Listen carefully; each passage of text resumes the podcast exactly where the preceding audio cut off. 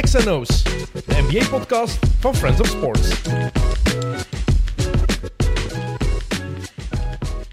Welkom bij XNO's iedereen, de basketbal- en NBA-podcast van Friends of Sports. Het NBA-seizoen lijkt nu echt begonnen. Iedereen is met hernieuwde energie en met hernieuwde goesting aan het spelen. Of zo lijkt het toch tenminste, want we hebben de laatste dikke week al heel toffe en goede matchen gekregen. En we hebben ook een paar extreme prestaties gekregen. Denk bijvoorbeeld aan Damian Lillard, die 71 punten scoort. Tweede keer dat iemand er 71 binnengooit. Oké, het was tegen Houston, maar dan nog, het blijven 71 punten. En we hebben ook de match gekregen uh, met het op één na meest aantal gescoorde punten ooit. De Kings tegen de Clippers 176, 175. Uh, complete waanzin natuurlijk. Uh, maar het is interessanter en interessanter aan het worden. En de strijd voor de play-in plaatsen gaat ook misschien wel boeiender worden dan we ooit al hebben gehad. Uh, mijn gast van vandaag is een vriend van de show. Dat mag ik wel zeggen, denk ik. Een van de twee leden van de meest populaire podcast van België. Niet alleen van Vlaanderen, maar van België. En ook de host van de podcast met de op één na beste naam bij Friends of Sports. Uh, de man van uh, Welcome to the AA en Oepsenbakkers. Andries Bekkers, welkom. Dennis, blij dat ik hier ben. Ik ben ook heel blij dat je er bent. Ah, kijk.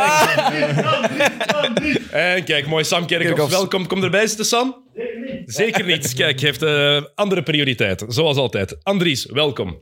Dennis, blij dat ik hier ben. Hoe is het? Goed eigenlijk, altijd hier. Ik, ik, ik zeg het elke keer, elke keer dat ik hier kom zitten, dat, zit ik hier ook meer en meer. Dat we, uh, ik, ben een, ik heb een notoir slecht oriëntatiegevoel. Ik ben echt zo een kind van de GPS. Ik kan echt niks zonder GPS. En naar uh, Friends of Sports rijden kan ik tegenwoordig al zonder GPS. Dus ik ga even u helpen. Normaal zit je aan de overkant. Ja, in de asterstoel, maar de ik mag dat niet zeggen. Hè.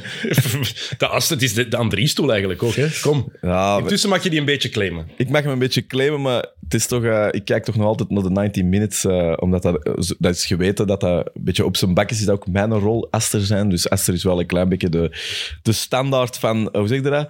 Een hoop volk in het gareel houden tijdens de podcast. ja. Soms, bij jullie, denk wel dat het bij op zijn bakjes ietsje meer nodig is dan bij 90 Minutes. Ja, want dat is goed, want ik zit nu in de Pedro-stoel.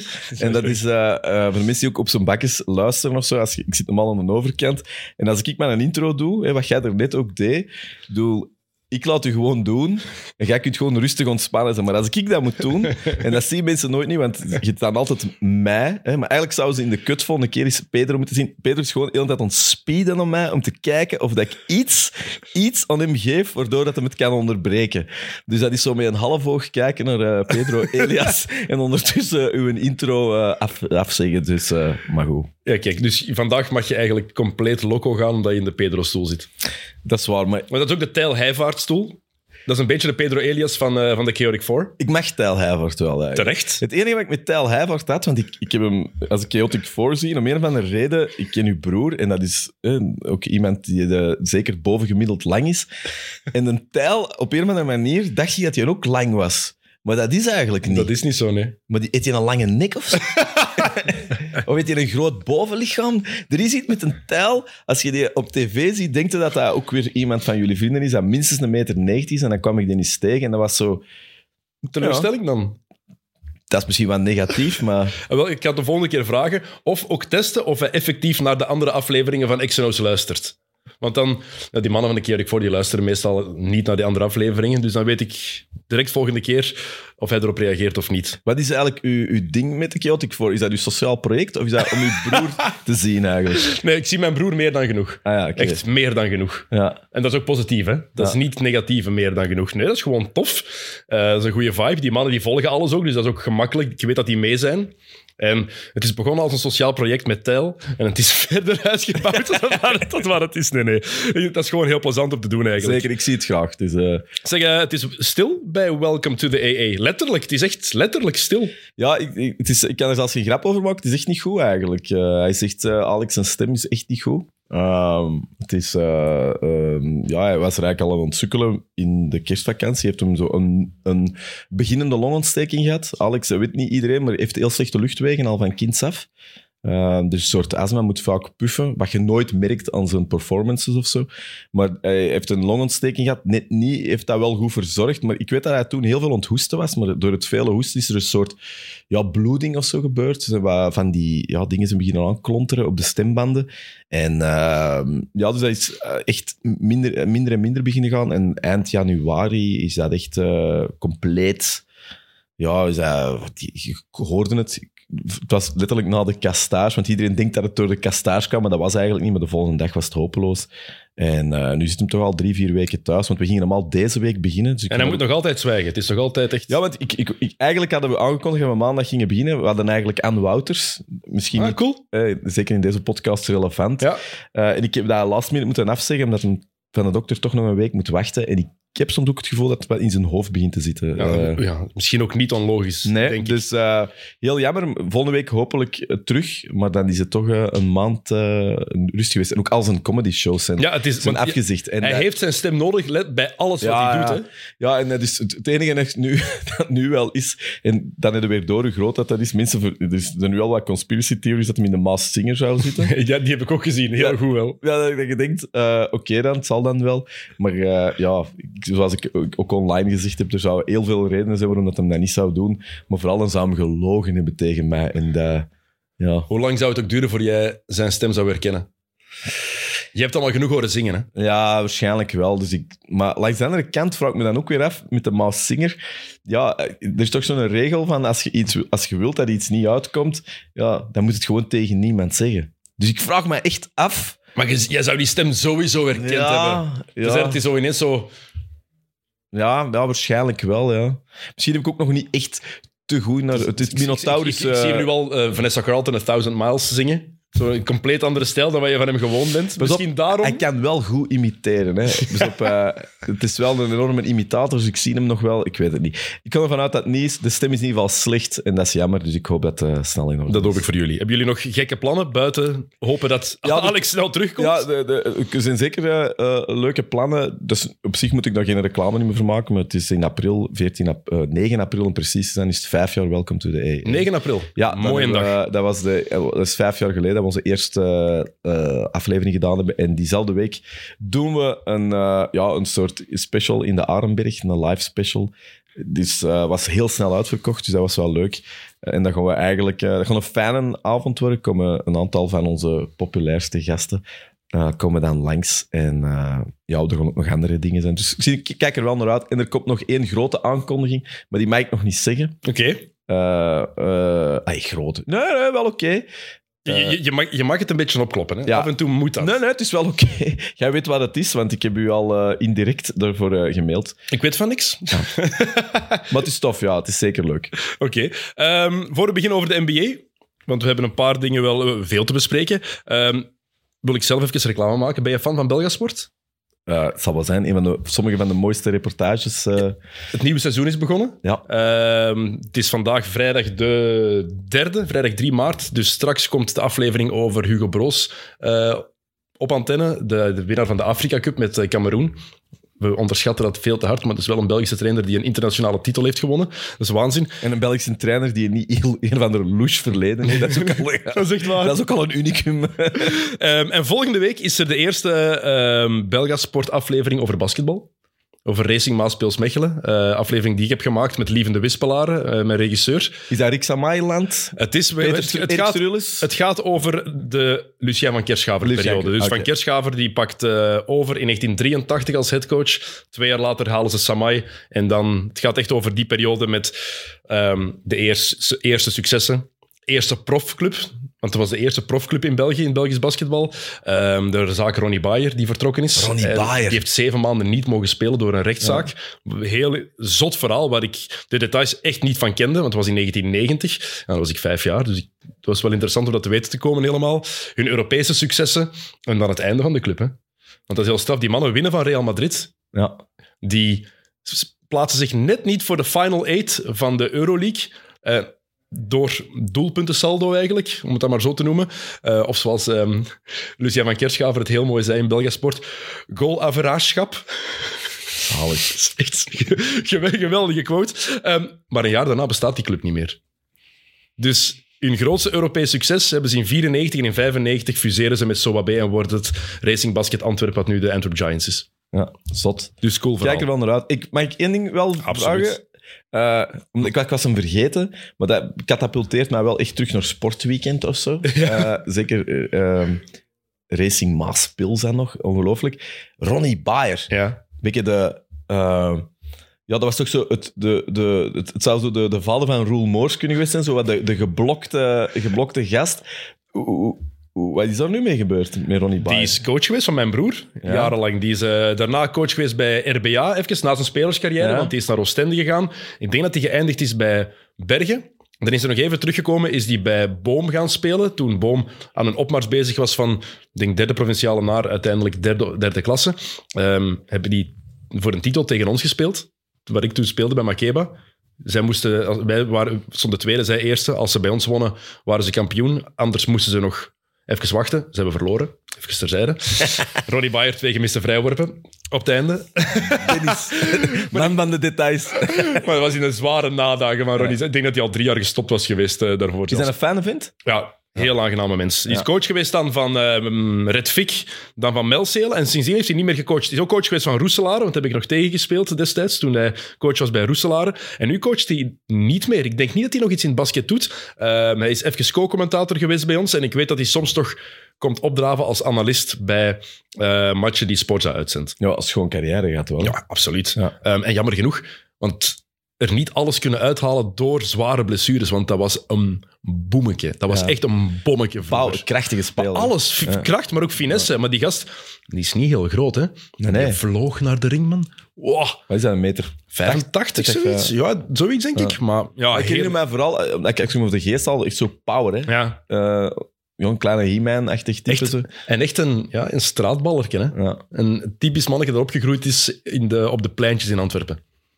Dus eh, aanrader, de Belgische sport. Al zeg ik het zelf, ik maak even zelf reclame. En even, even s'nachts, want eh, voor iedereen dat dat weet, of zo, legendarisch programma, Belga Sport. Ja. Maar wat is uw rol? Ik kan het u... Ik heb het gemaakt, ik heb de inhoud. Ik heb cool is dat, man? Met de regisseur. Ja, dat is een gigantische bucketlist. Hè. Jij moet Als gewoon- sportjournalist heb je een paar dingen Ja. die op je bucketlist staan. Bij mij was het NBA Finals ter plaatse doen, dat staan die allemaal bovenaan. Ja. Dat heb ik mogen afvinken. Ik zou het graag nog 50 keer nog eens afvinken, want ene keer is, of twee keer NBA Finals doen is niet genoeg. Ehm Belga sport maken, dat is een andere. En de Olympische Spelen ooit ter plaatse doen. Dus de Olympische Spelen, dat moet nog komen ter plaatse hopelijk. Maar Belga sport maken was... Twee van de drie. Heel, was heel cool. Wel, ja, er komt veel bij kijken. En eh, Lieven, onze regisseur, de regisseur die het gemaakt heeft, heeft fantastisch werk gedaan. Dat is echt onwaarschijnlijk. Eh, alle credits voor het werk dat hij gedaan heeft. Dus ik ben, ik ben zelf heel enthousiast voor wat het is geworden. Proficiat Ehm, in ieder geval. Ja, eh, bekijk het eerst en zeg dan... Wow. Ik, het, het voordeel is, ik weet dat jij tenminste ook een eerlijke evaluatie gaat geven. Mijn moeder bijvoorbeeld gaat altijd zeggen, maar het was keigoed. Ja, dat is de mama. Sowieso stuur ik het was kijken. Vooral zo stu Ik krijg zo volgende week een bericht van jou. Het was keigoed, jongen. Oké, ehm Gilles Meulemans is er ook bij. Die hebben we nog niet verwelkomd. Gilles, welkom. Welkom. Ons moeder is de eerste die zou zeggen, het was niet goed. Is het echt? Volgens mij is redelijk eerlijk. Hè.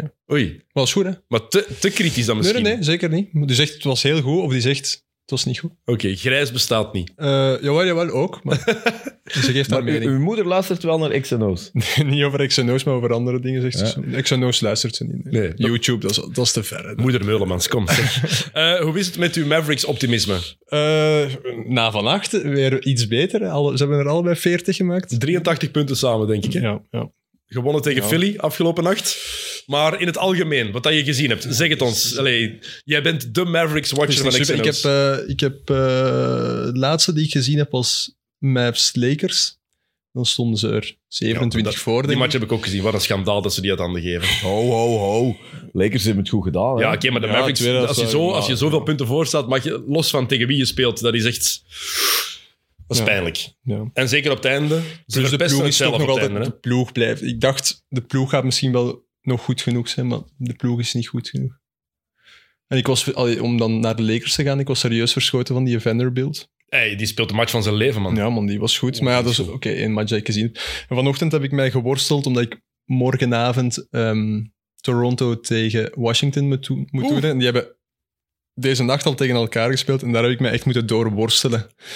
Ehm, dus iedereen kijken morgen. Ja, absoluut. Ik ben de Toronto-watcher te komen van de afgelopen Ah, weken. Dus ehm, ja, ja, het is niet, ik, Ehm, er zijn sommige er zijn positieve punten, maar het is echt niet het seizoen van Toronto. Vannacht, man. Ja, het was geen cadeau. Maar ze staan wel in de play-in. Ja. Washington ook. Het is eigenlijk een belangrijke match. Ja, en eigenlijk in het, eh, in het eh, oosten ligt de zesde plek misschien nog open, omdat Brooklyn daar nu nog op staat en die zijn serieus aan het terugzakken. Mhm. Dus eigenlijk, maar Miami gaat die misschien innemen. Dat zou ik ook denken. Maar we gaan straks nog over eh, de Lakers hebben sowieso en over de Mavericks ook. We hebben eh, een paar eh, ideeën, want Andries, we hebben wat takes voor elkaar, waar we elkaar op gaan laten reageren. Maar eerst heb ik een vraag voor u. Het vervolg, of wat we het vorige week over hebben gehad met, met Jarno.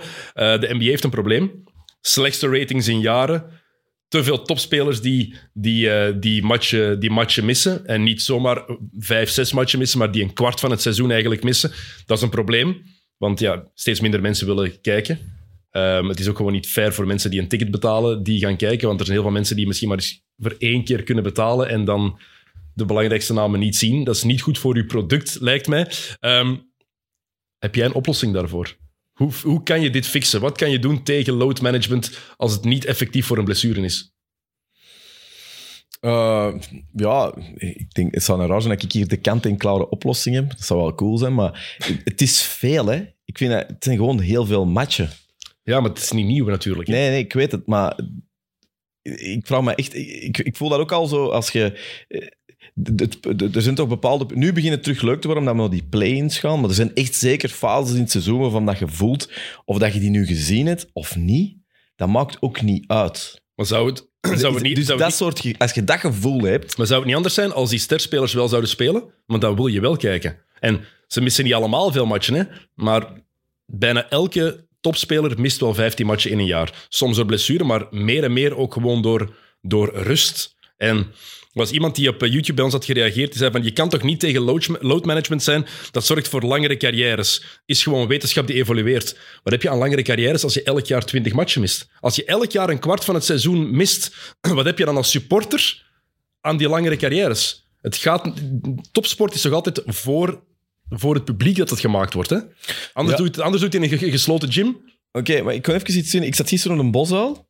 Toby Alderweireld valt uit. Hè? Ja. Eh, spierscheur. Valt, eh, dus erg, maar stopt onmiddellijk. Stopt onmiddellijk, gaat naar de kant, wordt ook, want wordt ook gezegd van ja, bot, ik zeg maar iets, een Richie de Laat of zo, die zou zeggen, we spelen door, belangrijke wedstrijd. Alderweireld, die zo graag die match wil doen, stopt onmiddellijk. Gaan naar buiten, nadien Antwerpen wint. Het is de viering op het veld. Je staat daar gewoon terug. Hij staat natuurlijk in zijn jogging, eh, gedoucht, bla bla bla. Zal wel verzorgd geweest zijn. Waarschijnlijk is dat wel ingetaped geweest. Maar je ziet niks aan die gast. En ik voelde, het voelde precies aan dat iemand als eh, een Toby Alderweireld op dat moment zegt: Het is erg, maar ik speel hier niet door. Terwijl ik heb de indruk dat de helft van die supersterren in de NBA, dat die eigenlijk nooit gezond zijn. En dat die, dat die een druk om door te spelen. Dat, eh, bijvoorbeeld wat LeBron had tegen de Mavericks, hè, die comeback. eh, Dat moment dat hem eigenlijk zijn voet eh twist zeker.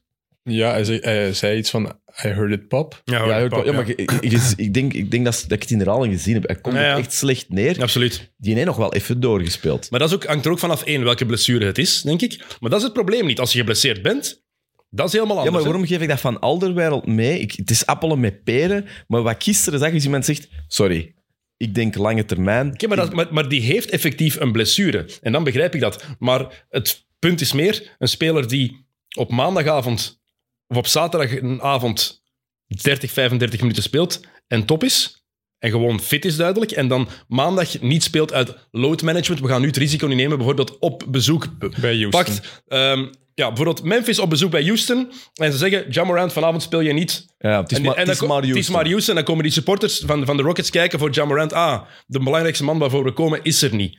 Maar op dinsdag of op woensdag kan die wel weer 35 minuten spelen. En dat bedoel ik. Als het niet is voor een blessure en je kan eens een keer load management doen, een match of vijf. Eén, doe het dan met thuismatchen. Laat dat wel duidelijk zijn. Maar het gebeurt veel te veel gewoon. Ze missen 20, niet allemaal, hè, maar te veel spelers missen 15 à 20 matchen gewoon uit voorzorg.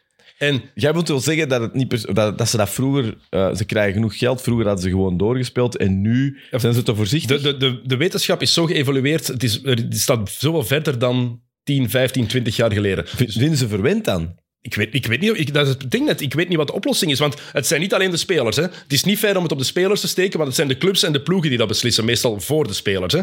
Het is, ik denk niet dat het aan de spelers zelf ligt. En ik denk dat de NBA... Ik zal het zo zeggen. David Stern had al lang iets veranderd. David Stern had al lang ingegrepen. Ik vind, eh, Adam Silver doet toch niks? Er verandert niks. En het product, het probleem is vooral het product. Het gaat achteruit, hè. Ja, ja, de de- cijfers worden minder en minder. Dus ja, maar, ik, maar ik, ik, ik snap wat je wilt zeggen. Maar heb jij het gevoel dat die spelers dan niet spelen... Ja, hoe moet ik dat zeggen? Dat die, dat, dat, dat enkel en alleen is om, om, om strategische redenen? Dat, is het daar, denk je dat daar niks medisch aan zit? Echt, dat is de vraag. Het zal wel een bepaalde medische reden bij zijn, maar het is, het, het is niet goed voor het product. Nee, nee En- daar en- ben ik mee kijk, akkoord. en to- het, is, het is en blijft topsport, het is niet gezond, hè. Maar je, je krijgt binnenkort word je 70 à 80 miljoen per jaar betaald. Ja, als je dan 20 matchen gewoon gaat zitten terwijl je niks hebt... Sorry, maar dat is niet oké. Ja, maar dat de lonen, de lonen zijn echt waanzinnig. Ja, maar je wordt, je wordt betaald voor je werk, hè. Dat blijft nog altijd zo. Je wordt betaald... Als ik niet ga werken, dan word ik ook niet betaald, hè. Nee, Jij wel? Eh, nee zeker niet. Het zou, het zou Z- praktisch zijn. Zeker en vast niet, nee. nee ik snap het punt wel, maar ik, ik zie geen oplossing gewoon omdat ik, ik... Ik vind dat dat probleem niet zo overduidelijk in is. de CBA verplichten, erin zetten van oké, als, je, als je niet minimaal 70 matchen speelt, eh, behalve door een echte blessure, dan maak je geen kans op All-NBA-teams en op awards, want daar hangen veel bonussen aan vast. Bijvoorbeeld, zou dat werken? Eh, ja, tuurlijk. Als je begint, iets begint af te pakken, dat werkt altijd in, in elke sport. Ja, ik snap u wel, hè, maar ik, ik, ik weet het niet. Ja, ik, ik vind gewoon dat er, veel, dat er gewoon veel blessures zijn in het algemeen. En dat, dat is toch bizar als je denkt van, als je denkt aan hoe de, de medische wetenschap is geëvolueerd, dat die blessures net niet minderen. Is voetbal, eh, sorry, is basket, is dat niet een van de meest in- eh, injury-prone sports dan of zo? Het is, het is niet goed voor je lichaam, dat is duidelijk. Nee? Allee, je voet, je, je enkels, En ligt dat aan het feit dat ze zoveel in de Alleen week al? spelen dat de recuperatietijd gewoon te kort is? Pff, het is- ja, één. Het zijn sowieso te veel matchen. Twee, zouden beter dan naar 70 gaan. Sowieso. Ja, Ja, voilà. 82 matchen Om is te en veel. dat bedoel- maar dat is- 72 is toch? Maar dat, 72, dat, dat 70. weet toch iedereen? Er zijn toch zeker periodes in het seizoen ja. dat je voelt... En maar ga- gaat met dingen Dat het er ook wat, niet wat, ik, wat ik me afvraag is, als we naar 70 matchen zouden gaan, zou dan load management ineens stoppen? Of zouden ze dan nog altijd zeggen van ja, maar dan spelen we 50 matchen dit jaar? In plaats van nu, nu denk ik, mikken ze meestal naar 60 en dan, nou, dan hebben we gaan 50 matchen. Ik weet niet of dat zou, iets zou veranderen. Ik vind het gewoon echt wachten tot, totdat het ertoe doet. Zoals nu. Ik bedoel, want zelfs als je heel eerlijk bent, eh, zeker die plane, eh, als je die, zelfs in- zeker in het westen, maar ook in het oosten en zo, ja, dat, dat- wat maakt het uit? Ik bedoel, we zullen het wel zien binnen vijf. Die zitten allemaal zo dicht bij elkaar. Maar dat, maar dat maakt het nu wel interessant dat er voor de plane gaat gevochten worden. Denk ik. Ja, maar het voelt ook als een beetje... Het is bijna zo de, de massasprint en iedereen is aan het wachten totdat we er echt voor gaan. En ik heb het gevoel dat we nu, bij, dat we nu wel de bocht om zijn en in de laatste... We, we zitten op de vaste camera. Oké, goed, maar dan, maar dan geef je wel eh, bij gelijk dat alles wat we hiervoor gedaan hebben, dat we er gerust 15% matchen kunnen af. Oh ja, ik, ben helemaal mee eens. Dus dan 70 moeten ze dat matchen, absoluut. En wat ik ook had, als we het dan toch hebben over dingen waarvan dat ik me afvraag, eh, kan dat niet herzien worden? Eh, All-Star Game? Ja, maar da- daar gaan we het zelfs niet over. We hebben vorige week helemaal kapot gemaakt. Nee, nee, maar dat is toch... Maar ik, ik weet niet, want ik heb het niet geluisterd. Eh, eh, Heb je daar oplossingen voor? Want kunnen we daar een manier vinden dat, dat, dat, dat, dat, dat, dat, ligt- dat, dat- dat, dat daar iets aan vasthangt? Dat ligt nu eens wel aan de spelers. Nu, de winnende spelers krijgen 100.000 dollar en de verliezende 25.000 dollar. Ja, maar ja, als Per je, persoon. als je 1800 triljard op je rekening hebt... Dat is eh, het ding net. Now we have eh, eh, namelijk 275 miljoen en 100.000 euro.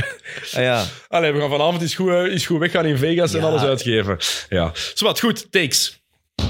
Eh, we hebben, ik heb jou een paar takes laten eh, bedenken. Ik heb er een paar opgeschreven. We gaan die naar elkaars hoofd smijten. En eh, ja, zien wat eruit komt. Dus Andries, eh, als beginnen? gast mag jij absoluut beginnen. Ik kan beginnen. Wacht, ik kan even kijken. Want ik moet me even bijhalen. Want ik heb eigenlijk natuurlijk die van jou opgeschreven. En, eh, eh, wat ik aan u gevraagd heb, dat was denk ik al vergeten. Ik, heb het Eh, niet, ik, ga, ik ga eerlijk zeggen, ik heb jouw takes, ik heb ze gelezen, maar ik heb het niet voorbereid. Dus ik laat het op mij afkomen. Ja, zeg. Dat is het leukste. Dan gaat dat hier niet open. Typisch. Eh, wat had ik weer al geschreven? Ah, een leuke om mee te beginnen. Een leuke om mee te beginnen. Ja. Ehm, Dame Lillard. Uh-huh. 71 punten, fantastische gast, bla bla bla, al wat je wilt. Zit bij die Trailblazers de druk op hem hè, om daar van weg te gaan, om eindelijk eens in een ploeg te zitten waar dat hem kans maakt op een ring, Mhm. wordt groot. Ja. En ik heb aan u gezegd, hè, ehm, je hebt zo'n aantal van die spelers. Hè. Je, hebt, je hebt er een aantal legendarische die eigenlijk heel hun leven lang trouw geweest zijn aan een franchise. Maar allemaal Novitski, eh, ja, Kobe natuurlijk. Is, Kobe is wel twee keer, drie keer, maar is twee keer bijna echt vertrokken. Hè? Ja, maar hij is, hij is wel de Lakers for life of zo. Ach- Achteraf gezien, maar, wel. als, maar hij heeft zelf genoeg toegegeven. Ik, ik ging naar Chicago, was aan maar hij kijken naar wel huis. En, gedaan. Hè? Novitski, dingen ook, Tim Duncan denk ik ook. eh, die is één keer bijna vertrokken. Maar ja, bedoel, Nowitzki heeft zelfs nooit overwogen om te vertrekken uit maar, goed, maar Ah, zwart, in ieder geval, zijn wel snap wat je wil zeggen. franchise-helden. Absoluut. Ik heb toen tegen u gezegd, Damian Lillard, denk ik ehm, dat misschien wel kan overwegen. En toen heb ik gezegd, ik vind Bradley Beal of zo, van de Washington Wizards, daar snap ik van dat hij nooit gaat weggaan. Waarom? Ik wil vooral weten waarom. Ja, jij je- vindt dat raar, hè? ik vind dat een heel rare redenering, ja. Maar ik ben Ah, heel benieuwd wel waarom je dat, eh, waarom je dat Omdat- vindt. Bij Bradley Beal snap ik het eigenlijk. Bradley Beal, dat is voor, mij het type voorbeeld van een grote vis in een kleine vijver. Hè, een gigantisch contract. Hoeveel is het? 275 of zo? Max contract. Het is belachelijk. Het is echt veel. Hè. Dat is, Ja, hij, kon het ook alleen maar krijgen in Washington. hè. ja, maar dat geeft de, man, de, antwoord eigenlijk mijn vraag al. Dit jaar 43, volgend jaar 47, dan 50, 54 en 57 miljoen. Ja, het loopt Ja. tot 2007. Tot Enorm veel. 2027. Dat is wat ze noemen generational eh, money. Hè. Dat is generational Generational money. Ja. Maar eerlijk, hij is zelfs geen all-star niet meer. Dat is een, dat is een, ah, dat is een coole speler, hè. daar gaat dat niet over. Maar zelfs, dat even met Westbrook geprobeerd, maar gevoeld, er is eigenlijk niemand niet mee bezig. Hij is overrated. Hij is over... een Ja, beetje weet, wel. weet niet dat hem overrated is, maar eigenlijk het enige wat die gast eigenlijk nu wel kan zeggen is ik ben een legende in Washington. Is dat zo? Dat is een andere vraag, maar als, als, als naar Bradley Beal zegt, ik ben weg bij de, bij de Wizards, stel dat Bradley Beal, ik zeg maar iets, ik zeg nou maar iets, eh, met een trade eh, naar de Lakers was geweest of zo. Ja. Stel dat ze dat gedaan hadden. Dan had het nooit over Bradley Beal gegaan. Dan was het nog altijd LeBron en Bradley Beal. Terwijl bij de Wizards kunnen tenminste zeggen, het is Bradley Beal. Maar bij- wie praat, het gaat niet meer over de Wizards. wie praat er Nee, over? Goed, maar voor hem misschien wel. Dus ik, maar ik denk, ik denk dat als je ergens anders naartoe gaat, die gaan nooit nog een soort...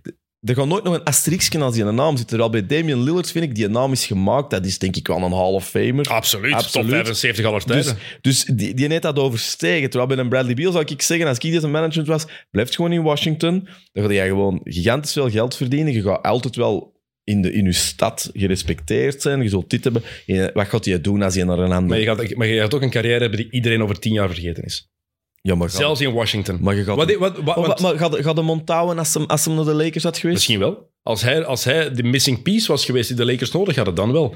Dan is dat ene jaar al een van veel grotere waarde dan wat hij de laatste jaren bij Washington heeft gedaan. Wat heeft, hij- want je zegt eh, legende in Washington. Het is hij is gedraft in 2012. Hij is geen legende in Washington. Hij heeft eigenlijk met die ploeg niet veel bereikt, behalve toen John Wall even gestopt was. Ja. Hebben ze... als in 2015 denk ik dat ze de tweede ronde halen en dan breekt Wall zijn pols, volgens mij. Ja. En dan, dan, ik denk in 2015, ik ben niet 100% zeker, maar en dan, dan gaan ze niet meer verder. Maar veel meer succes hebben ze ook niet gehad. Hij is dan net geen topscorer van de NBA geworden ehm, toen Curry het werd vorig jaar.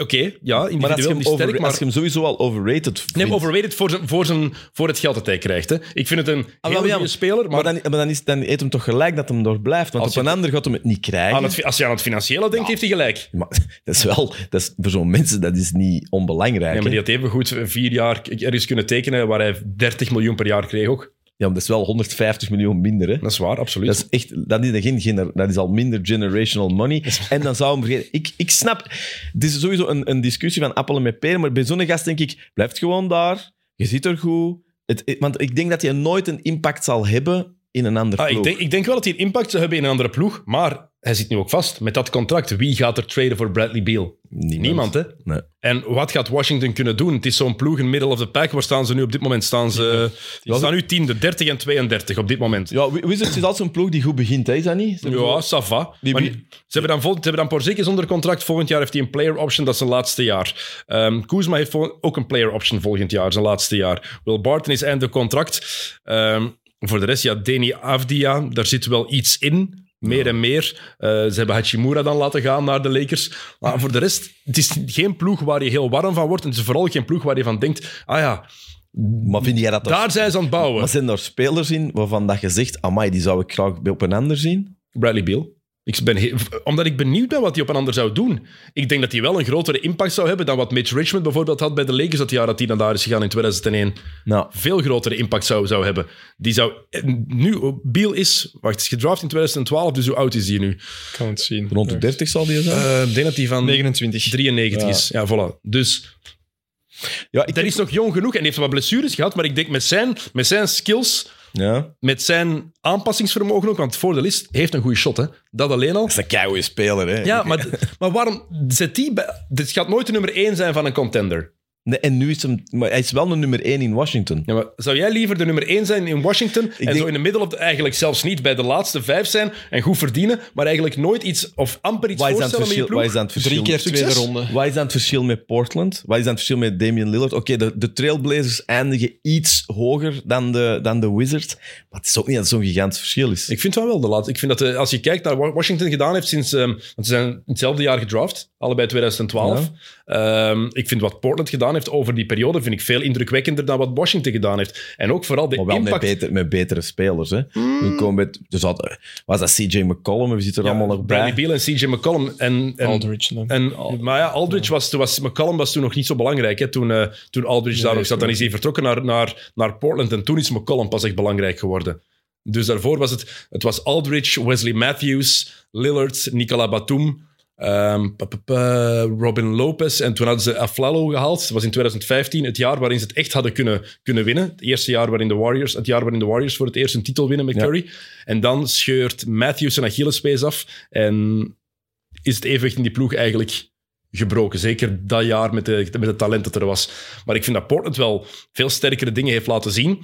Ehm, veel competenter is geweest dan Washington. Geen contender, maar wel sterker. En de impact van Lillard op die ploeg is ook groter geweest dan de impact van Bill op Washington, vind ik. Daar ga ik zeker mee akkoord.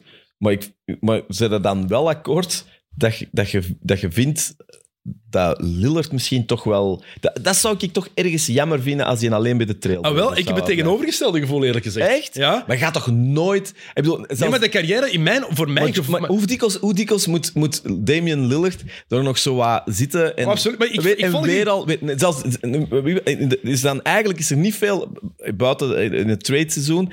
Er zijn een aantal dingen... we- Er zullen we het al ongetwijfeld over gehad hebben. Je hebt er een aantal zotte dingen gebeurd. Maar als het puur gaat over zo de, de slimme trades, dan heb ik het niet over Durant die weg is Ja, ja. of zo, of Kyrie. Dat zijn zo eh, En, headliners. en Josh Hart naar New York, bijvoorbeeld. Josh Hart, trades. Damian Lillard, dat is, je ziet die en elke keer dan weer denken, ah ja, dat had iets leuk kunnen geweest zijn. Josh Hart, by Josh Hart, is weer al weg. Je voelt, die gast krijgt toch altijd wel... Ah, Ik heb, die moet toch soms naar zo'n management denken van, hey, eh, Ja, maar ik vind...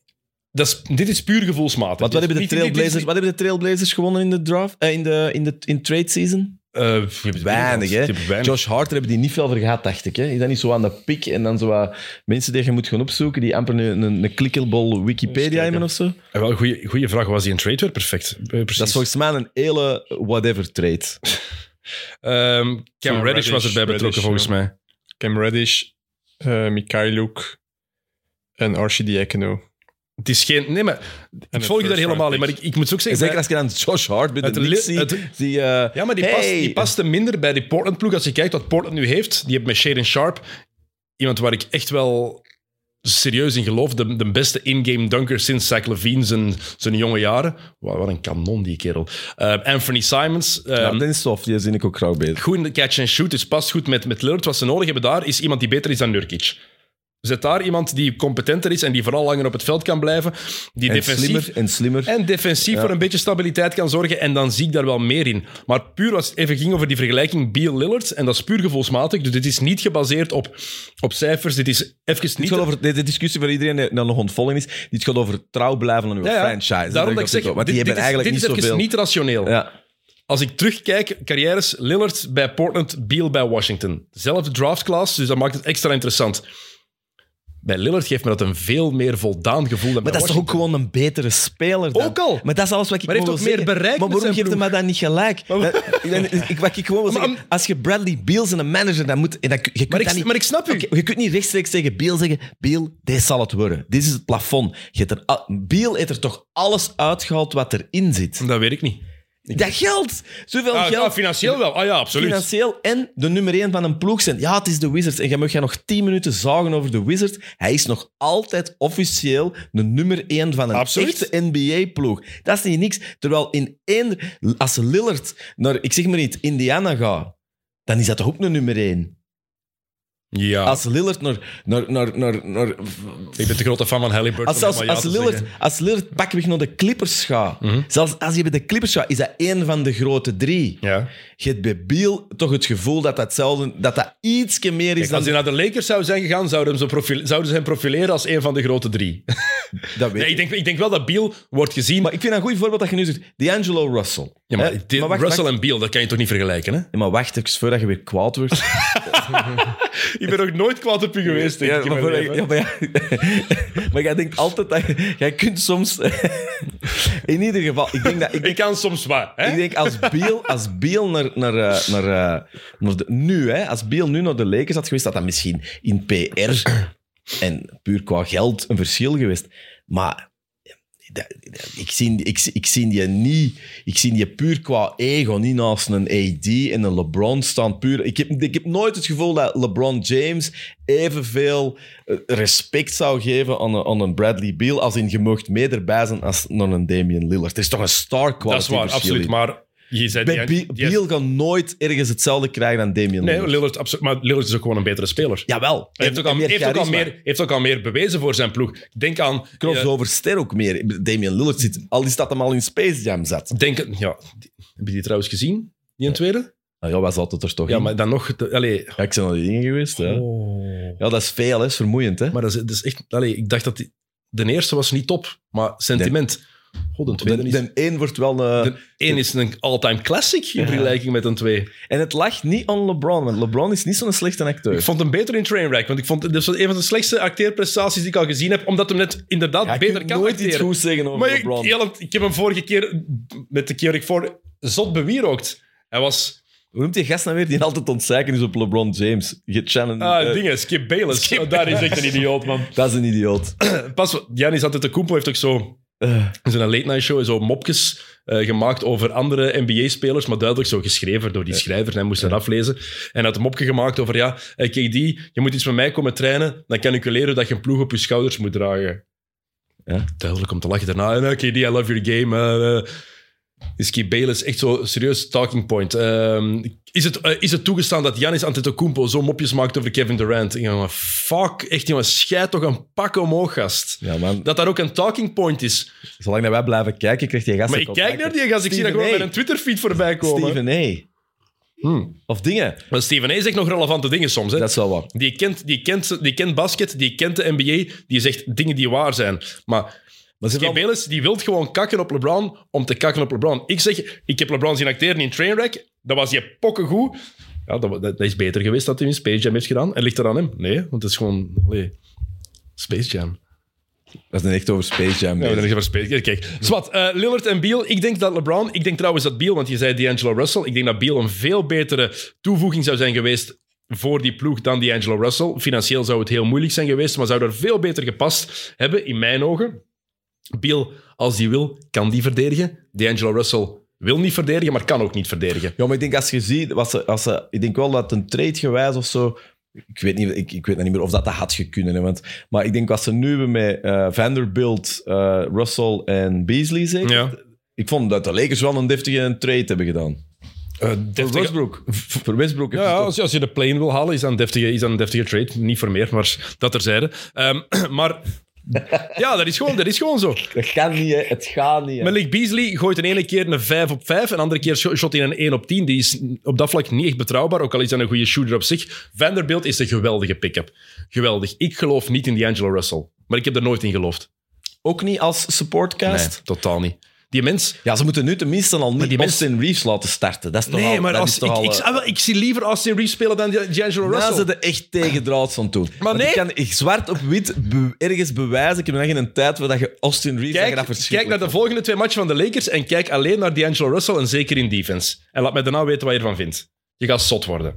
Echt waar. En de, shots, de shotselectie die hij soms heeft, die is beter dan Reeves individueel. Maar Reeves speelt wel voor die ploeg beter te maken. Russell niet.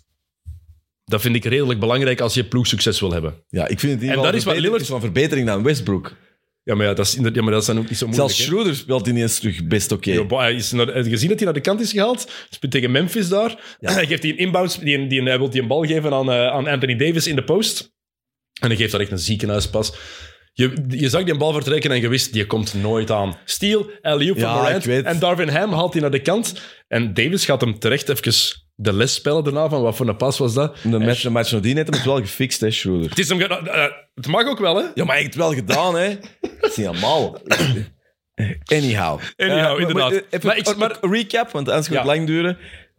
Wat moet vinden dat Dame, Dame Lillard? Ik gun het hem vooral, maar ik zou het... het je hebt Dirk Nowitzki genoemd. De mooiste titel van de laatste 40 jaar is de titel die Dirk Nowitzki met Dallas heeft gewonnen.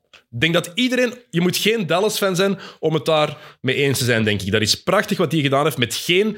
Met Jason die ouder was, met Jason Terry in de basis, met Deshaun fucking Stevenson, met Tyson Chandler die een geweldige rol had, eh, met Sean Marion die ook al een beetje in zijn nadagen was. Dat was niet de topploeg. Er was één sterspeler. Dat was Nowitzki. En ik denk dat die ene titel van Nowitzki evenveel meer waard is dan de twee titels die Durant bij Golden State heeft gewonnen. Om een voorbeeld te geven. Omdat, meer omdat, waard is. Omdat, omdat hij er zat met andere... Ook meer waard is dan de twee die LeBron bij Miami heeft gewonnen. Ja. Ja. Veel meer waard is. Gewoon die ene titel. Er is bijna geen enkele titel die zoveel betekent als die ene die Nowitzki heeft gewonnen. Omdat hij die bijna echt letterlijk als, op zijn Ja, schouders... en ook als de man van Dallas daar gebleven willen blijven. Hij wou per se met die ploeg 21 winnen. seizoenen. Ja, hij wou per se ook met die ploeg winnen. En is daarvoor gefaald, is daarna nog gefaald in de playoffs. En we praten daar bijna nooit meer over, omdat we denken, ah, dat, dat, dat ene jaar. Ja. Dat heeft hij meegemaakt. Ook een zeer likable guy. Ook, maar Lillard heeft hetzelfde. Likable guy, trouwe gast. Als hij één keer succes heeft met Portland, dan gaat dat zoveel waard zijn. Maar de vraag is, gaat dat lukken? En ik vrees ervoor. Maar kunnen, een algemene vraag, kunnen in het huidige NBA, want want de titel van Dallas, wat is dat, 2004? Nee, 2011. 2011, sorry. Maar dat, is toch nog niet... Ja, dat is ook wel lang, in NBA-jaren is dat toch lang geleden. Dat was voor, dat de, het was voor het basketbal is veranderd. Dat is lang geleden, hè. Eh, kun, je, eh, kun je in het huidige basketbal nog winnen met ene gast?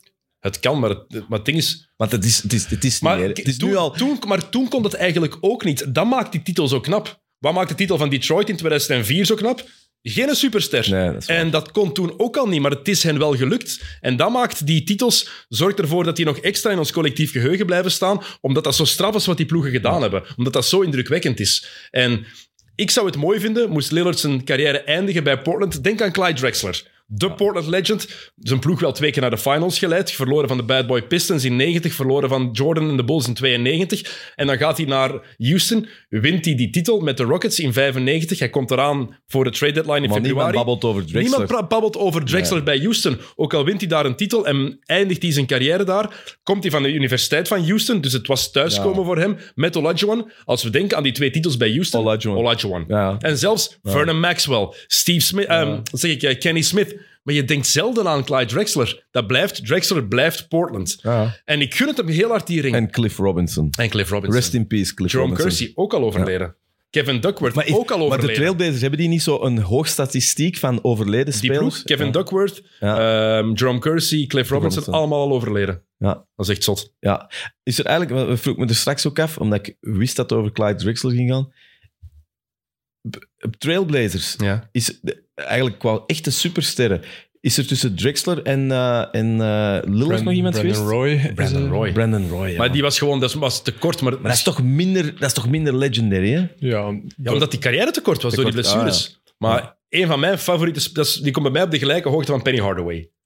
Twee van mijn favoriete spelers aller tijden, die door blessures niks, niet alle, net- net Derrick. Rose, hetzelfde. Ja, Derrick Rose. Die door blessures Net hun niet. topcarrière te vroeg hebben zien stoppen. Grant Hill.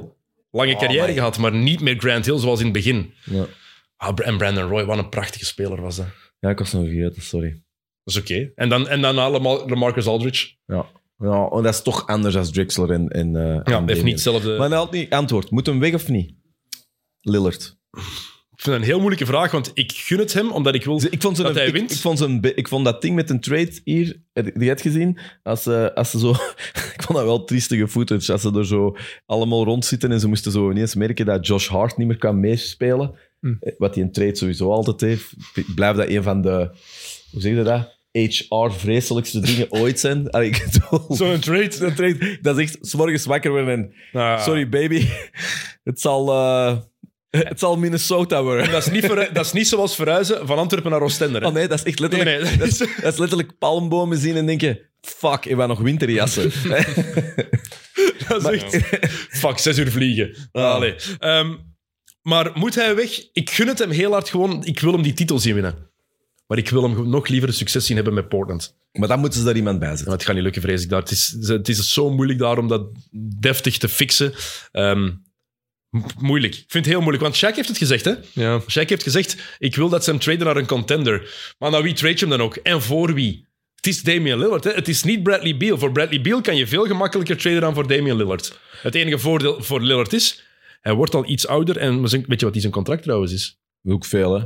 Max, Eh, hè. Dat is ook Max. Max Volgend jaar 45, het jaar daarna 49, die- de twee jaren daarna 58,5 en 63. 63 miljoen. 63 miljoen. Dan kunnen zo de spelletjes komen, de- hoeveel dat hij per seconde verdient. Ze. Maar over dit en vijf jaar verdienen spelers 80 miljoen hè, op een jaar. Ja, maar dan moeten ze toch een 80. inkomsten niet zo. Waar komt dat geld dan van? Ja, omdat Ticketprijzen. ja, er, komt, er komt een nieuwe, nieuwe mediadeal. Ja. De lokale deals worden blijkbaar moeilijker, eh, maar de, ehm, de nationale deal zou nog altijd genoeg geld opbrengen. Ook al zijn de ratings laag nu. Oké, goed. Ehm Take 1. Take 1, dat ging al snel. Sorry. Eh, take 2, we hadden het daar straks even over de, over de Mavericks, dus ik ga het voor Gilles doordoen. Eh Gilles, Ja. Jason Kidd weet van geen kloten als coach. Nee, man, ja. Jongens. En vorig jaar heb, heb ik, heb- zijn we, Thomas en ik door het stof moeten gaan om ons te verontschuldigen omdat we zo streng waren voor Kid geen goede coach. En hij was, had een goede defense op poten gezet, had het bewezen. Wat is hij aan het doen dit jaar? Hij heeft het ook gezegd hè, eh, op een persconferentie. Ik, ik kijk er ook maar naar zoals jullie er naar kijken. Eh, Ik kan, niet, ik, kan, ik kan het niet veranderen, ik kan niet ineens meedoen. Ik kijk ook maar gewoon. Ja, als je als coach gewoon kijkt... een heel goed beeld, is. Ehm, als je als coach gewoon kijkt... één, dat is een leugen. Want wie kiest ervoor om eh, Josh Green op de bank te zetten in zijn beste periode? Wie kiest ervoor om Wood minder te laten spelen dan Powell? Dat is toch altijd de coach, denk ik. mhm. En twee, als dat effectief is hoe je erover denkt, ja, allee, ga iets anders doen. Wat ik een heel interessant ding vind over coaches, ik, eh, dat is zo... Als je zelf een superster geweest bent, is het een slechtere coach. Er zijn er heel weinig, hè? Zo alle goeie, alle goeie coaches zijn allemaal mensen, Mensen die, die- eh, de Steve ja. Kerrs, die Roleplayers. roleplayers. En het ding erachter is, die kunnen zich beter eh vereenzelvigen met een speler eh, ja, die eh, menselijk is. Eén iemand, ik ben aan het denken, ben aan, het denken hè, aan de toppers die echt goede coaches ook waren. Heeft het maar drie jaar gedaan, maar Larry Bird was een topcoach bij Indiana. Heeft hij niet gewonnen? Eh, finals verloren, 2000. Ja, maar er zijn er weinig die een, een, een ring hebben, denk ik. Ah, die een, een, een- Topspelers. Ja. Bird heeft... ja, s- ja, ja, Steve Kerr is natuurlijk geen topspeler, maar... Nee, nee, maar dat is wel een roleplay. Dat is Ja, daarom- een roleplay. Ah, dat bedoelt je, dat het- dat het daar- ja, ja, dat daar beter is, Ik ja. bedoel, Een top 20 speler aller tijden. Zo is er niemand die... Ja, Bill Russell als Ja. Russell, coach. ja, Maar toen door- speelde hij ook nog als coach daarna bij Sacramento. En Seattle was het een flop twee En keer. Russell heeft ook maar één keer gewonnen, denk ik, als coach. Nee. ehm, Als coach. Twee. Wacht, hè, is, in 66 is Auerbach gestopt. In 67 wint Chamberlain met Philly. En in 68 en 69 pakken ze back-to-back nog twee titels. Als coach? Ja, spelercoach. Ah, ja. Ja, eens even denken, maar vrij zeker. Maar voor de rest is er geen top 20 speler die een goede coach is geworden. Wat is de beste coach van het moment? Of wat is een hele goede coach? Ja, Steve Kerr blijft een hele goede co- co- coach, ook al is die ploeg... Zijn die nog aan het zoeken dit jaar, Mhm. maar... Maar bijvoorbeeld zo Billy Donovan. Hè? Dat is toch een oké coach. Eh, Dat is toch een gast waarvan dat gezegd wordt, toffe coach, Mm. coole gast, zoekt ook mee, eh, babbelt ook met spelers dat hem wil binnen hebben. Kut, kutseizoen voor de Bulls. Ja, Is dat dan ineens een slechte coach? Of kan die hier niet aan doen? Ik, Is het- ik, doe- ik, ik vind, kan het niet ik vind Billy Donovan als NBA-coach sowieso eigenlijk een beetje een teleurstelling. Als je kijkt naar wat hij in college gedaan heeft. Twee keer titels op rij met Florida. Was het Florida met Corey Brewer, met Joachim Noah, met ehm, Al Horford.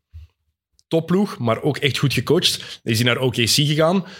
En dan was het een beetje met vallen en opstaan. Ze komen 3-1 voor tegen de Warriors in 2016. En ze geven die 3-1 voorsprong uit handen. Iedereen lacht altijd met dat de Warriors 3-1 voorkwamen en het afgeven. Die hebben zelf ook een 3-1 voorsprong, een 3-1 achterstand opgehaald in de conference finals.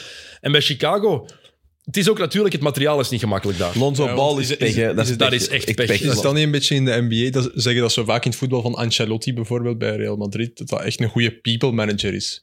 Ik heb vaak ook het gevoel als, als coach in de NBA dat je vooral dat moet zijn. Maar Kijk, niet, Misschien wel meer als in Europa, waar, waar, waar het er- ergens wel, maar ook niet. Kijk naar Steve Kerr. Die heeft het sportief ook helemaal omgegooid bij Golden Ja, State. Hij pakt over van, van Mark Jackson en verandert, die, en verandert hoe die ploeg speelt helemaal. Vorig Phil- jaar, vorig jaar. Ook al. Phil Jackson ja. pakt over van Doug Collins Ja. in 89. Hij begint met de triangle offense, met Tex Winter daarin. En dat verandert daar ook helemaal. Dus coaches kunnen wel effectief hun, hun invloed hebben. Popovic bijvoorbeeld, wat die, hoe die geëvolueerd is van alles inside naar Robinson en Duncan, naar het mooiste basketbal dat we ooit hebben gezien in de NBA, denk ik, in 2014 Oké, maar met ja, San dat zijn de Antonio. absolute top. Maar ik begrijp wat je bedoelt, dat zijn de absolute toppers.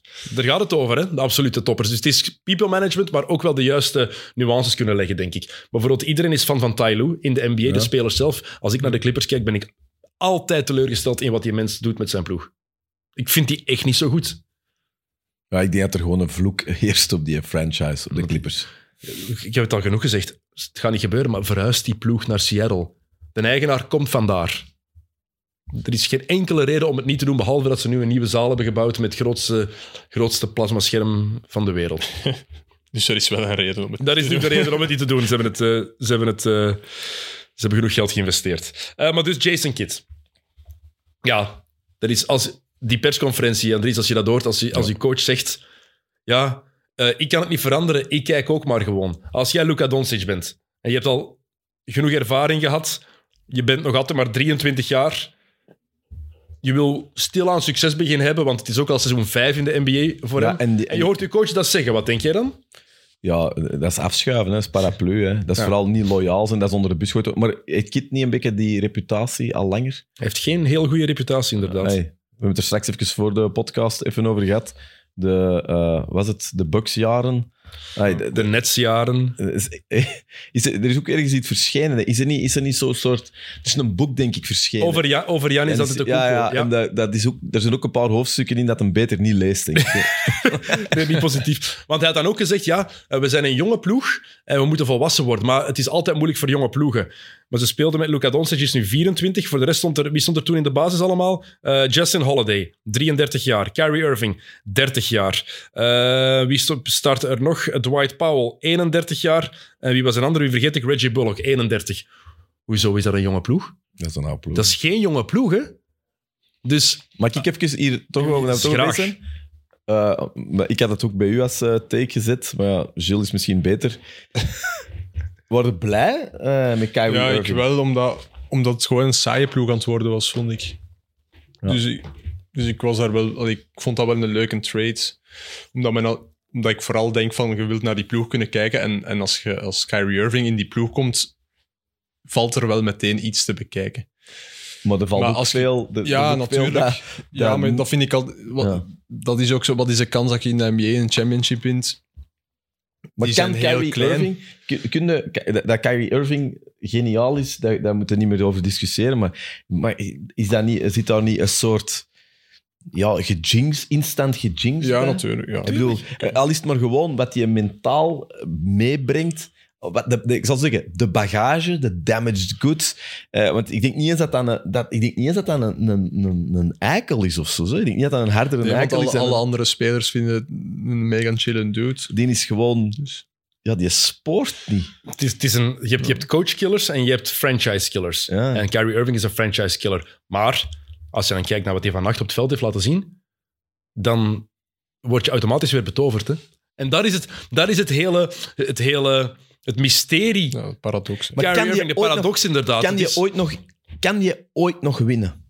Alles kan in de NBA. Ja, ja, Ja, maar dat is, dat is, het, dat is het hele... maar kun je, van, ik, ik, omdat ik voel, en dat is misschien ook een algemene vraag of zo, de, de, de, de age of zotheid, hè, bestaat dat nog in modern eh, NBA? Goeie vraag. Allee, je weet wat ik bedoel. Ja, hè, zo de, wat je bedoelt. de, de, zijn dat niet allemaal berekende dingen? Ik bedoel, het feit dat, eh, inderdaad, kun je zeggen, die franchise killers, ja, dat, ik bedoel, gaan feesten, like Rodman in, eh, in Vegas Dat met niet Billy van de Smashing Pumpkins, is, haha, dat vinden wij leuk in docus, maar gaat toch niet Dat meer. gebeurt nu niet meer. Dat is, dat is er echt wel uit, denk ik. Of het is wat Allen Iverson deed, die 72 uur wakker bleef en ertussen twee matches speelde, maar heel de tijd bleef suipen. dat gebeurt ook niet echt meer, denk ik. Dat is, dat, is, dat is er wel uit. Maar ja, je kilt nu een franchise op een andere manier. Hè. Trae Young is er heel goed mee bezig bij Atlanta om die club ook helemaal naar de kloten te helpen. Is hij ook heel goed mee bezig daar. Dus Wat is, wat wat is hij dat kan, hij kan Is wel winnen. Wat, wat is dat bij kan ook wel, maar dat, dat is wat je daarnet zei bij Portland. Daar moet dan iemand beter bij in plaats van Nurkic. Dat heb je nu toch heel hard met Dallas als je daar naar kijkt. Alleen daar heb ik toch dat, dat het die twee spelers zijn en dat de rest. Maar is- het probleem is bij Dallas is dat iedereen bij de Mavericks weet wat, het, wat ze hadden moeten doen. Ze hadden een speler die beter paste dan Kyrie Irving. Ze hadden hem. Ze moesten hem 55 miljoen geven. Ze hebben het niet gedaan. En dan is hij voor 100 miljoen naar de Knicks gegaan. En is de beste zomertransfer die er geweest is. Jalen Brunson. Perfecte aanvulling voor Luka Doncic. En als je hem niet wilde houden, kon je hem traden. En dat blijft de grootste flater die ze bij Dallas hebben gemaakt in de laatste tien jaar, denk ik. Ja, ik ze, hadden begrijp- moeten, ze hadden moeten traden, maar ik, geloof nooit. Of dat gewoon moeten houden, Gilles. Nee, dat denk ik niet. Dat was de perfecte aan. heeft vorig jaar bewezen dat het de perfecte aanvulling was voor Luca. En, eh, Je wint er geen titel mee nu, hè? Nee, maar je, nee, dan heb dat je één, je bent, je bent financieel flexibeler. Dat is al één. Dan wat je nu moet doen als je Kyrie Irving gaat moeten laten... Ja, maar ik zeg dat- 55 dat hem jaar zeker- voor vier jaar. hadden hem zeker 55 moeten, miljoen. moeten verlengen. Maar Ik, eh, ik, had hem, ik, had, denk ik had ze liever Brunson zien bouwen. Paste perfect in mijn ogen bij, bij Luca. De two-guard system. mag ik nog iets eh, erin gooien? Je moet dat niet vragen, je moet dat gewoon doen. Heerlijke mens, hè, Luka Doncic. Eh, fantastische speler. Maar is dat ook niet, is dat ook niet een hele moeilijke? Om zo, Is ook niet heel veel van de problemen van Dallas dankzij Luka Doncic zijn talent en zijn zijn en zijn... Ik doe alles hier, ik ben overal, ik, ik, ik, ik doe er altijd wel iets mee. Ik score, ik heb belachelijk Maar, hoge we stats. maar, ah, maar, maar zo ja, komen we meteen terug. Wat je die anders... Het is, komen- niet, het is niet Jokic, hè? Ja, maar hij kan Jokic wel zijn. En zo komen we terug bij de originele take. Jason Kidd Kidd. weet van geen kloten. Als je dat in je ploeg hebt, misschien wel de beste Europese speler ooit. Nog niet, hè? Maar potentieel om het te worden, wil ik zeggen. Is dat nog altijd niet, hè? Maar Luka heeft alles in zich om de beste Europeaan aller tijden te worden. Om een top 10 speler aller tijden te worden, court. Zorg dat je ploeg beter speelt, hè, man. Doe er iets mee. Moet je weg bij Dallas? Wie, Kid? Nee. Luca. Ik zou Luca, als, als, als je Dallas bent en je laat die gaan, dan, dan, dan stop dan met die club. Nee, hè. nee, maar Luca zelf. Ik zou, ik zou Luca, ik zie Luca niet echt een, een titel winnen. nog niet. Met Luca zit nu. En ik zie Luca ik zie ook hem niet... ook geen 20 jaar blijven. Nee, en ik, nee, maar ik zie Luca ook vooral geen vijf jaar topniveau probleem meer is- spelen. Ah jawel. Ja. Dat is 24 jaar. Ik weet het niet. Ik vind dat hij altijd wat heavy Als er- staat. als er één- ik, als- vind dat hij, ik vind dat ook zo... Ik zeg niet dat het zo het Zion Williamson ding is, maar ik zie die bezig denk ik... Come on, man. Dat houdt je toch geen, dat houdt je toch geen Ah, tien wel, jaar als vol? er één is die ik in staat zie om, Om het- nu te gaan feesten met, eh, met, met, met Drake of weet ik veel met wie in het seizoen voordat hij een match heeft, dan is Luca Doncic. Maar Die mens leeft te graag. Ik denk Luca Doncic en Drake, dat dat zo een slecht feest Ja, ik weet, ik weet ook niet waarom ik die naam... Ik denk, dat, ik denk dat dat vooral zo zou zijn. Ik zie Doncic, Doncic zo in, een- in een goede brasserie zitten en Drake eh, die denkt, wat is dit? Een hookahbar, hè? ja. Beetje van, van de waterpijplurkje. Pintje drinken. Vond ik heel goed wel LeBron in die All-Star All-Star draft. uh, Hoeka Doncic. Echt? Ja. Ja. dat is wel goed, hè. Vond ik heel goed. Maar ik zie hem... Het probleem is, Luca zit in de situatie waar LeBron in zat in zijn eerste jaren bij Cleveland. Te goed voor de rest. Te, wei- te weinig omkadering, te Ja. weinig goede omkadering en vooral, er is te weinig beweegruimte voor Dallas om er iets mee te doen. En dat is een probleem. En hoe ze dat gaan oplossen... Met beweegruimte bedoel jij financieel? Of Financieel, ja. Cap space. Financieel eh, cap space. Ja. Daarom hadden ze Brunson aan moeten houden. Kyrie Irving, je huurt die nu eigenlijk ook. Die is einde contract na dit seizoen. Hè? Wat ga je daarmee doen? En als die vertrekt, wat ga je dan doen? Maar even iets straks is, misschien ook wel... eh, niet om ze te vergelijken, dus eh, weer niet kwaad worden of zo. Maar mensen die... die eh, je hebt precies dat wij zo kwaad worden hier de hele tijd. ik vind dat gewoon leuk om te zeggen. Dat, ik, ik, ik vertegenwoordig altijd de mening van het volk. En ik weet sowieso dat in de YouTube-comments gezet eindelijk iemand zegt dat dat het kwaad volk. is. Volk. I got this. Ehm, eh, wacht, wat ik nou zeggen? Ah ja, de- ehm, bij, bij Westbrook is het overduidelijk. Hè? De- dat is al even duidelijk, maar die, zit, die een, een, een pagina omgeslagen. Ja. Het, het- het mysterie is er al lang. Ik kon zeggen dat het bij de Lakers eigenlijk al niet meer was, maar daar hebben we nog even niet geloofd. Die zijn dagen zijn voorbij. We, we, jij hebt er even in geloofd bij de Lakers. Niet voor algemeen. Nee, nee, dat- ja, maar, nee, nee, wow, wow, wow. Maar er was wel een algemene consensus. Er was nog nieuwsgierigheid van wat zal het zijn bij de Lakers. Niet bij iedereen. Wij hebben hier al van het begin gezegd, slechtste, slechtste trade ooit gaat Als het feit dat je er langer over acht minuten over gebabbeld hebt, was steken dat je het wel belangrijk genoeg vond Tuurlijk, om het is belangrijk, omdat... Ik, mijn punt dat ik nu wil zeggen is, de Clippers, dat boeit niemand dat hij er nog zit. Dat het wil ik zeggen. slecht. Een sle- vreselijke pick-up, Maar hè? laat me nou even uitspreken. Ik wil maar zeggen, je voelt dat je in een ander stadium zit. Ja. Die gaat ook niet meer die maximale contracten krijgen. Die gaat, dat, dat is richting veteran contract. het. Mhm. Dat is voorbij. Maar bij, bij een Irving vraag ik me nu af, stel dat het, eh, ik hoop het niet, Jules, maar stel dat het Dallas-verhaal slecht afloopt. Hè? Ik heb het niet over dat, dat, hem, dat, hij, dat hij wel veel beter is, maar voelde ook niet bij zo'n gast dat dat... Ja, dit, dit kun je ook niet nog drie, vier keer gaan doen, want dan boeit het ook letterlijk niemand niet meer. Helemaal eens. Maar het, het, pro- het verschil is dat Kyrie Irving individueel... ehm, en dat hij, ja, nog wel een ploeg effectief iets kan bijbrengen op het veld. Eh, zeker offensief, wat Westbrook gewoon niet meer doet. Dat kan Kyrie Irving nog wel. En dat zorgt ervoor dat hij wel ehm, nog interesse van bepaalde ploegen gaat krijgen. Maar wat hij zoekt, max contract, vier jaar, niemand gaat hem dat geven. Nee. Niemand. Twee jaar, dat misschien wel. Twee jaar, de- twee jaar 60 miljoen in totaal, zie ik nog gebeuren. Maar de, echte, de deal waar hij op hoopt, vier jaar 195 miljoen, no way in hell dat hij dat krijgt. En als het wel gebeurt, dan moet die general manager meteen ontslagen worden. Nu is het 36, 36. Tenzij, tenzij dat hem eh, het resterende seizoen bij de Mavericks speelt zoals van een avond. ben ik Eh, van de nacht, Ik denk zel- zelfs dan zou ik het heel dom vinden, omdat je dit, dat track record hebt van de la- laatste jaren. En je weet dat het niet blijft duren. En het is niet omdat iemand zich twee maanden of drie maanden voorbeeldig gedraagt en voor succes zorgt.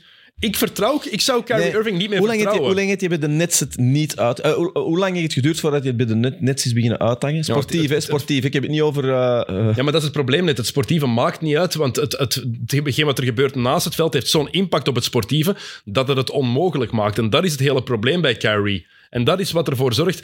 Kijk naar afgelopen seizoen, eh, met wat hij dan geretweet had, die antisemitische film die hij geretweet Ja, ja. had. Dat zorgt ervoor dat die ploeg ook sportief problemen ja, krijgt. en dus- en dat hangt allemaal samen bij hem. En dat is een van de redenen dat ik denk dat je dat risico niet meer kan nemen. Hoe fenomenaal dat hij ook is op een belt, basketveld. Don, hè? belt Doncic met Durant? Dat denk ik niet. Dat denk ik niet. Ik denk niet dat hij daar... Bel, eh, nog iets. Op Belt- voorhand. is- Ja. Wordt Doncic eh, geraadpleegd over de Kyrie Irving trade?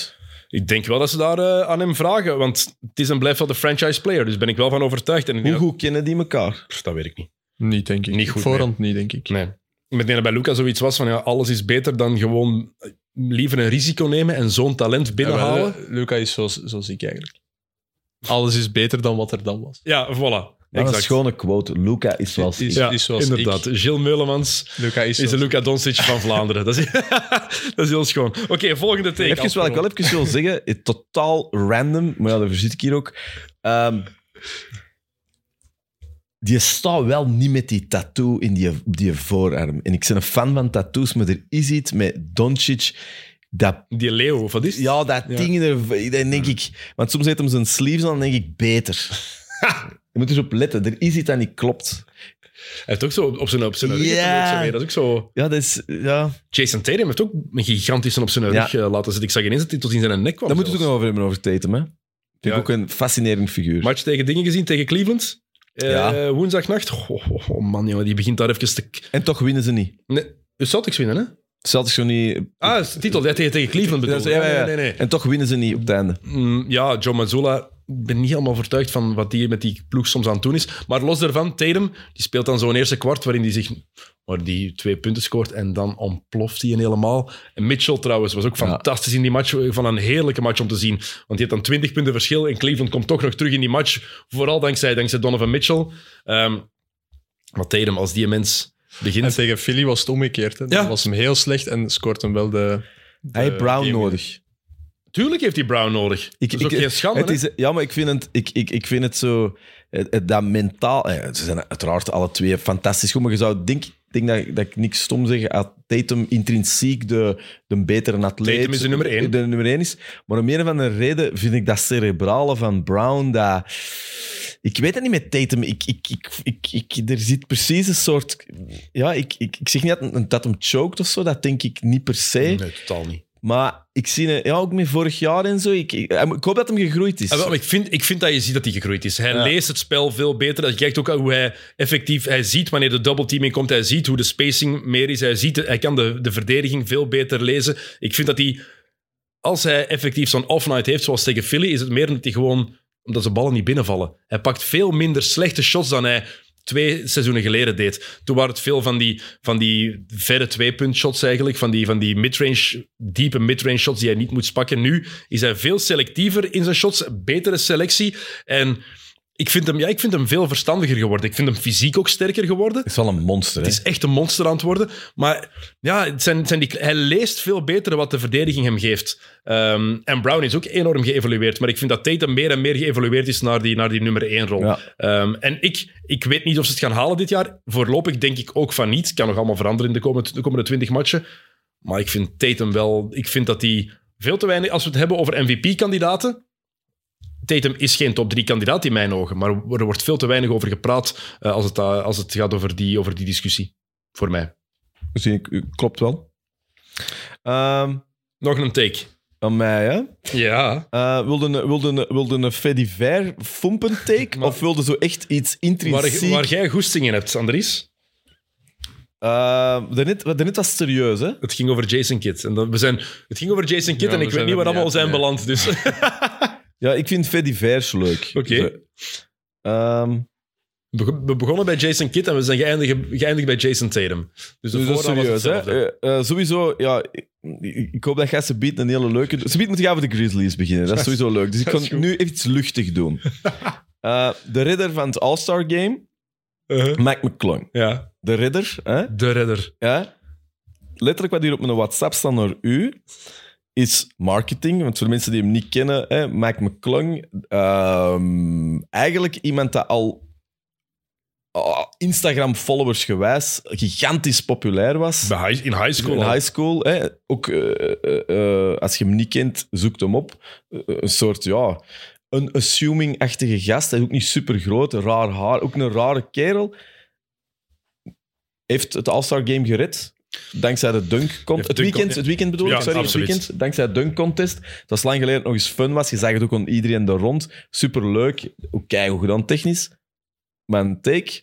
Mike McClung heeft bij de, Bulls eh, bij de Lakers gezeten, bij de Bulls gezeten, nu Philadelphia zeker. Ja. Gaat nooit veel verder dan zoiets een minuut als eigenlijk iedereen weg is. Is marketing en goed kunnen springen genoeg voor een echt NBA-contract? Wat is een echt NBA-contract? Niet wat hem nu heeft. Nu heeft hem, die neemt meer jerseys in zijn kast zitten dan jij, hè, Maar bij wat- manier van spreken. Van mensen, waar- van ploegen dat hem voor Maar gespeeld wat, maar wat heeft. vind jij, daarom dat ik het vraag, wat vind jij een echt NBA-contract? Is dat... ehm, Ik zal zo zeggen, als je niet kan springen, en want Mhm. eigenlijk is dat tof dat je het eh, dunk contest wint, maar in C zit er toch geen kloten mee. Hè? Nee. Er zijn er niks mee. Hè? Ik bedoel, Hij heeft er meer mee verdiend dan zijn contracten samen. Hè? Ja. Dat was het toch? Ja, Ja, maar hij kan... Allee, zijn, zijn balhandling is niet supergoed. Dat is eigenlijk geen waanzinnig goede... Ik denk dat hij eigenlijk net niet goed genoeg is voor de NBA, maar dat hij wel, door wie dat hem is, daar wel in zit. Dus mijn vraag is, is dat goed genoeg om een officieel NBA-speler te zijn, wat toch nog altijd een badge of honor is, hè? Niet, zie jij Didi Benga als een officiële NBA-speler? Ja, zeker. Oké, dan wel, denk ik. Hij gaat nooit, hij gaat nooit in de... DJ Mbenga, met alle respect, dat is toch een backup center? Boah, die speelde niet veel. Die speelde echt amper. Als je die, als je die minuten bekijkt, die kwam, die kwam amper op het veld. Hè. Ik, ga, ik ga er meteen eens bij halen om het, om het te duiden. En dat is met alle respect voor de carrière van een Benga, want het is Maar- waanzinnig straf wat hij gedaan heeft. Hè. Maar die, zijn carrière. Eerste jaar drie- 3,9 minuten per match. Tweede jaar 5,5, 3,8, 7,8, 8,1, 7,5, 7,9, 7,2. Maar vooral die 8 minuten, 16 matchen in dat jaar. Eh, sorry, 42 matchen in dat jaar, 23 matchen, 49 matchen, 41 matchen. Oké, maar, Dus hij die, wel, speelde, die speelde amper. maar die, heeft wel een, die had wel contracten, volgens mij. had wel contracten. Mike McClung heeft volgens mij geen contract. Mike, Mike die- McClung heeft nu een two-way deal, dus Ja. met de G-League. En dat is goed voor 160.000 dollar. Nee, 100... eh waar sta, ik ben een verkeerde ploeg aan het kijken. 160.856 dollar. Want Dan kun je even goed bij Friends of Sports gaan werken. Hè? Pas op. Sam, is dat zo? Krijgen wij 160.000, Sam? Ehm, nee, maar...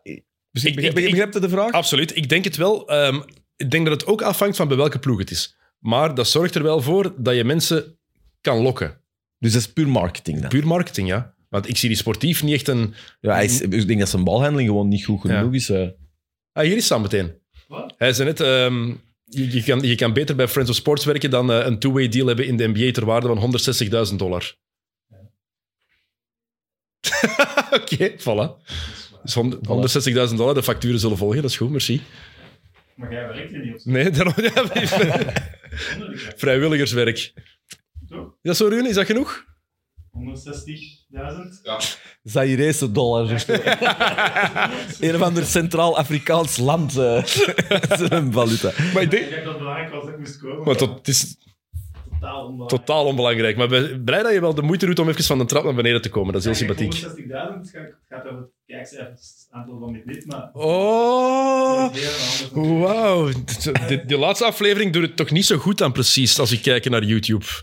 Allee, ik heb al zotter geweten. Anyhow. Maar het is inderdaad marketing, puur marketing, absoluut. En dat die eens op het veld kan komen, en dat je kan, dat je als, de- want als, als acht of negen of tienjarige fan van de NBA, je hebt de All-Star Weekend gevolgd, je hebt McClung gezien, je gaat kijken naar Philly, dan wil je toch wel die mens even op het veld zien staan. Hè? Gewoon al is de, de anticipatie van hij kan ene keer ontploffen. Hij kan ene keer een zotte dunk doen. Mag ik even iets serieus doen? Graag. Ik kon even de sfeer wegpakken. Ehm, helpt dat in... Uitzonderlijk helpt dat in de wereld waar we vandaag leven zo uitzonderlijk dat hij eh, wit is? Dat hij een witte, een, een witte blanke speler is? Ehm, ik denk, het is altijd Want Maar het, het is al, het is gewoon altijd... Het blijft straffer en zotter om de white guy zo te zien springen. En daar is, daar is niks mis mee. Dat is gewoon... Brent Barry wint daar dunk contest in 1996. Hè, van de vrijworplijn met zijn jacket aan. We denken allemaal... Nee, die kan springen, begot die jongen. Je, je bent dan meer gewoon van een zwarte. Omdat gewoon, atletisch vermogen is gewoon veel indrukwekkender meestal. Dus dat, en het is ook een gast van een meter 88 maar. Hè? Het ja, want dat vond ik eigenlijk... eh, is een combinatie van de twee, denk ik. Want ik heb dat ongetwijfeld gezien, dus hij is, hij is een dunks bezig.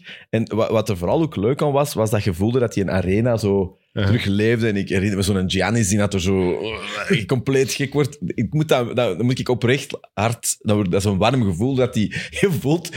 Dat is bijna zo... eh, wat is dat? Het, eh, zo, het wielerpeloton dat voorbij komt. Je ziet die allemaal dichter komen op de duur. zit- Dat vond ik er leuk aan, maar tegelijk had dat ook zoiets heel... De, ja, het was, bijna, dat ze, het was bijna een rariteit of zo. Ja, maar het, ik denk dat het, het combinatie van de twee is... Bijvoorbeeld, Jamorant is even groot, Jamorant. Is hij niet groter? 1,88 meter, 6 foot 2. Even groot als Mike McClung. Wauw. Ja. Maar stel je voor dat die dat had gedaan, dunk contest en ook een show had neergezet, waren we even hard onder de indruk geweest. Het verschil is gewoon, deze jongen, Mike McClung, wit of niet, die ziet er ook uit als een koorjongen. Ja, ook Dat is het ook. slecht, slecht met tattoos. Klopt ook compleet niet, die tattoos. Maar het, is, het ziet er ook uit als een braaf mannetje. Zo. Dat Ja. komt er ook bij. Als, dat, dan, dat, dat, dat draagt daartoe bij gewoon. Van oké, hier. De mannetje die komt rechtstreeks van de kerk naar hier en die gaat even een balletje binnengooien. Ja, want dat dunkt wel echt strafgoed, hè. Oh, man. Ja. Ja. Dus Oké. als marketing. Maar ik denk niet dat die mens een grote rol gaat spelen op een, eh Nee, op een stats in de G-League dit jaar? Zeg maar. Gokje. Gokje. Ik heb dat gelezen. de- Dat is niet waanzinnig, hè? Jawel, eigenlijk. Ah, ik dacht dat dat zo ja, dus hij Sava is, was. hij is eh, wacht, hij was vorig jaar, ik moet zien dat ik juist zeg, NBA G-League Rookie of the Year. En dit jaar 17, 5 en 3 in de G-League. Dat is toch niet... Want, is dat niet Wat dan niet wauw is, maar Dat is deftig. Dat is toch deftig. Ja, dat vertaalt zich naar G-League natuurlijk. 4, 1 en een half. Dat zijn zo Bronny LeBron-cijfers. dat, is ook, hè, dat is ook altijd zo dat je denkt... Ja, eh, dat zijn zo... Ja, dat is goed, hè. Dat is goed. Inderdaad, dat is, van, ja, dat is goed. Hè. Dat is goed, hè. Dat is. Ik denk dat die, denk dat die kleine broer nog verder gaat geraken. Ja, Bryce. Ja, die is ook, Die al, kleine, jongen. Die, die, is, die is ook al groter. Hè? Ja, raar, hè. Die heeft een groeischeut gekregen. Ja, dat is echt een reus. Maar, die, maar je ziet ook hoe dat die beweegt bij Bryce. Je ziet van, ah, je, De, de genetisch... je bent nog een beetje aan het zoeken hoe dat je je lichaam effectief moet Dat is gebruiken. een beetje soms wat klungelig, hè? Uw ledematen zijn nog niet helemaal mee. Ja. Dat zie je van, je zet er nog in aan het groeien. En dat is even, Ja. even wennen, maar ik denk dat die echt wel beter wordt. Die wordt beter, ja. Ik denk het wel. Oké, ehm, andere take. We hebben dus de naam even genoemd, dus we moeten het over Jamorant hebben. Heerlijk. Eh, de Memphis Grizzlies worden de nieuwe bad boys. Ik vond, ik vond dat heerlijk. Toen je dat naar mij stuurde, dacht ik... Yes, ik kan niet veel zeggen. Ik kan gewoon... Jawel, laat u, ik wil weten Ja, wat je van goed, vindt. hè. Natuurlijk is dat tof. Come on. Maar ben, ben je het ermee eens? Gaan ze effectief de nieuwe bad boys Ja, worden? het- Nu, Bill Laimbeer-stijl, dat is onmogelijk. Dat kan nog. niet dat, kan niet meer. Maar misschien kunnen we daar ook Alhoewel, ergens ook blij zijn. Ja, ik moet dat wel zeggen, ik moet daar... Maar dat is, dat is puur persoonlijk of zo. Eh, maar ik word ook altijd wel aangetrokken tot dat soort figuur. Het blijft... Sport is leuk. Er zit een, een, een, een soort feitelijk gegeven in, de sport zelf. Maar vandaag de dag, we hebben een soort entertainment soap-achtig ding. We hebben straks over Formule 1 geweest en zo. Ik bedoel, hoe saai is Verstappen geworden? Ik bedoel, terwijl dat je weet... Ja, maar dat is echt vreselijk. Terwijl dat je denkt, wat in die, die moet volgens mij zijn een heerlijke gast, denk ik, als je echt zijn, zijn, Ik ben- zijn, zijn gedacht zou zeggen. Maar in het begin was dat zo. Ik ben een paar keer ter plaatse mogen gaan voor, eh, voor Play Sports, gelukkig. En Verstappen was een van de leukste om te interviewen. Dat was echt... Die zei zijn gedacht, die was, die was vlot. Dat was de persman van Red Bull die kwam teken doen van afronden. En Verstappen die gewoon keek en voorover ging leunen. En mij zei, stel nog maar wat vragen, jongen. Ja. Ja, vond ik top. Of zo een vraag stellen. En Max, verwacht je van vandaag? Vijfde. En dan keek hij zo. Ik zo ja, en dan een verder vraag. Ja, waarom denkt hij dat? Ja, gewoon vijfde. Na de race moeten zo naar iedereen rondkomen. Komt je naar mij? Zeikje? Vijfde. Ja. Dat is super simpel, maar dat, is, dat toont wel ergens Hoe raar is dat? persoonlijkheid. De, de grootste t- ster van de moment ter wereld, dat gaat er zo. Dat is toch fantastisch? Dat maar, gaat maar nu zou hij daar zo... Zal die nou nog herkennen, de Max? Nee, totaal niet. Maar nu zou die een Denk je correcte... dat? Ja, Denk dat is vier, vijf jaar geleden dat ik daar Wow, geweest dat weet je ben. niet. Ik bedoel. Ook Nederland, hoeveel Nederlandstalige... Best veel. Ja, die Hollanders Ja, natuurlijk ja, die allemaal. komen met veel, hè. Absoluut. Maar ik denk, voor nu zou die een politieker ook een correct antwoord ik, geven. ik wil toch zien dat... Ik, volgens mij herkent je dat. Zullen die testen als ik nog eens mag gaan. Maar over John Morant trouwens, heb je dat nieuws gelezen? ja, Want er is dus ja dat, is- dat is niet zo goed. eigenlijk. incident bij Indiana Ja. geweest. En dat ze Ja. dan al dat zijn entourage, eh, de, wat mensen van de club Ja. hadden afgedreigd en met een laser hadden zitten, zitten, zitten schijnen. Ehm, En nu, zoeken, nu zoeken we het fysiek geweld afgelopen bij. zomer blijkbaar ehm, had hij, heeft hij blijkbaar een 17-jarige in elkaar geslagen en heeft hij een geweer boven gehaald en het naar die gast gericht. Na een pick-up game in de zomer. Dat is natuurlijk niet hetgeen dat ik bedoelde met dat sport niet saai mag Dat is extreem bad boy, hè? Ja. Maar dit, dit gaat wel eens... Maar, Het is vooral het tweede verhaal in een maand, in minder dan een maand tijd, dat zo over John Morant gaat. En de Grizzlies die hebben al een slechtere reputatie, omdat ze veel te veel praten, zonder dat ze ook... Ze hebben de conference finals ook ineens bereikt. ja, maar ik- dat vind ik tof. Sorry, ik, ik, dat, ja, ik vind dat leuk. Ja, maar je mag, je, je mag praten. Maar het is toch heerlijk als hij tegen, als hij tegen de Warriors, als hij de, gewoon de Warriors, who gives a shit over alle dynastie, we hebben er zelf al in. Ik vind dat grappig. Maar dan moet je ook wel aanvaarden dat je eruit ligt en dat, Ja, de en Warriors- dan, dat, dat Draymond Green kan zeggen van, oh, wat is met je grote nou bek? wel, maar dat dat is, als je het kunt uitdelen, moet het ook kunnen... Maar dat doen ze niet. Ze zeggen nog altijd over die serie, ja, wij waren eigenlijk beter. Ja, nee, je ligt eruit in zes matches. Sorry. Jammer. Ik kan, ik kan één ding zeggen. Dat, staat wel los van die twee, want dat zijn eigenlijk criminele feiten. Dat zijn is- dat is er criminele los van, hè, voor alle duidelijkheid. Dus ik kan dat wel duidelijk zeggen. Maar ik heb dat wel altijd eh, straf gevonden dat wij, en je voelt dat met veel, we hebben dat ook met ons Belgische sporters gehad, van de Tom Bonus tot, tot weet ik van wat. We verwachten altijd van onze sporters dat die bovennatuurlijke dingen doen, maar op het moment dat ze van hun respectievelijk sportveld af zijn, dan moeten dat mensen zoals ons zijn. Ja, dat is niet, hè. Tuurlijk niet. Ah, je kunt niet verwachten. Ik zag hem van de week weer, John Morant, iets doen eh, dat ik niet meer gezien had sinds Jordan. En zo, eh, ik denk dat hij van achter, ik weet niet tegen wat het was, het was deze week. Was die match dat hij 28 punten scoort in Ja, hij gaat echt, hij, op de baseline, eh, hij gaat naar achter en dan doet hem een soort ja, omgekeerde eh, layup. Maar ja, zijn hangtime is Ja. weer belachelijk. Er zitten pumpfakes tussen en om hem dan erin te leggen en dan loopt hem gewoon door. Ja, dat is een soort ding. Ja, dat, wie, wie doet dat Maar nog? dat is het ding bij John Morant ook. Die heeft inderdaad die hangtime, die zweeft. Hè. Dat is... Je, li- je liep letterlijk... Ja, wat Jordan ook kon. Hè. Je, Ja. je vertrekt links van het bord, je stapt vier stappen in de lucht en dan leg je hem achterwaarts terug. En dan heb je eigenlijk nog tijd van om de foto te zien, gaat hem neer en hij is weg. Dat, dat, dat, dat is waanzinnig. Maar de bad boys is waarom ik... Maar ik, hij- ik vind hem niet de grootste bad boys. Ik nee, nee, nee. die, Dat is eh, Dylan Brooks. Dylan Brooks, ja. Die, die, met met, die- met Donovan Mitchell. Maar, ah, wel, en dat is wel af en toe Bill Lane Beer, Rick Mahone Dat is Bill stijl Lane aan het Beer, worden. hè? Voor anno 2023. En wat er nu nog kan, is Dylan Brooks wel, wel degene dat het meest in de buurt komt. Kijk naar die blessure vorig jaar van Gary Payton in de playoffs. Een van de vuilste fouten dat die Ja. mens daar niet harder voor gestraft is, is onwaarschijnlijk. ja, dat is iets anders. Je gaat dat Nee, Grayson Allen, dat is opeens- ook Grayson Allen is ook zo'n gast. Dat is iets anders. Ook zo'n Ja. zo'n palja. Grayson Allen, Caruso, zeker. de- Grayson En Allen, dan die een tweet van de Bucks nog. eh, Ja, Grayson Allen is de gast, eh, als je het woord paljas, als dat effectief in het woordenboek zou staan, die foto moet ernaast. Dat is zoiets echt een paljas. Wel grijs op zijn 24e of zo. Anyhow. Eh, Dat nee, probleem heb jij niet. Ja, het is ontkomen, maar ja, het is ontkomen. Eh, maar ik moet wel zeggen, ik vind dat wel een ongelofelijke line-up. Hè. Eh, De Grizzlies. ja, jong. Ik vind dat... Bane.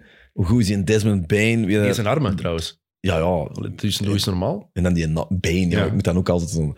En dan eh, dingen noemt hem Jackson, ook super cool. En wat ik een fantastisch speel vind, en dat ik wel een beetje raar vind dat hij dan eigenlijk bij de bad boys zit, is Steven Adams. Want ik, Steven Adams lijkt mij zo de, De brave de, de gast, hè? GVR of zo. Maar dat is ook zo. Ja. Maar daarom, ik denk ook met Steven Adams zijn ze minder bad boy, omdat Steven Adams het allemaal wel een beetje zal modereren. Oh, oh mannen, kalm hier. Als ze ook, begint te ve- als ze ook beginnen knokken, als Steven Adams in het midden staat, dat stopt, hè, want het heeft geen nut, want die mens, dat is een muur. Heerlijk. Ik vind, maar wie, heet die? Was dat Tony Bradley dat hij toen zo opgepakt had? Ja, ja, ja. Tegen, tegen, tegen Chicago vorig jaar, die hij gewoon, gewoon mee naar achter nam. Nee, jongen, deze gaan we niet doen tegen mijn point guard. Heerlijk. Maar ik denk gewoon, Steven Adams is nu nog een van de enige eh, spelers die voor een gunfactor zorgt bij Memphis als je geen fan van de Grizzlies bent of geen grote fan van, van Ja Morant bent. Want je merkt de perceptie, de publieke perceptie, eh, dat is niet bij iedereen zo natuurlijk, hè, maar je merkt wel dat het meer en meer negatief aan het worden is over de Grizzlies. Ik vind dat heel, de heels, sport heeft een heel nodig. Als je dat niet...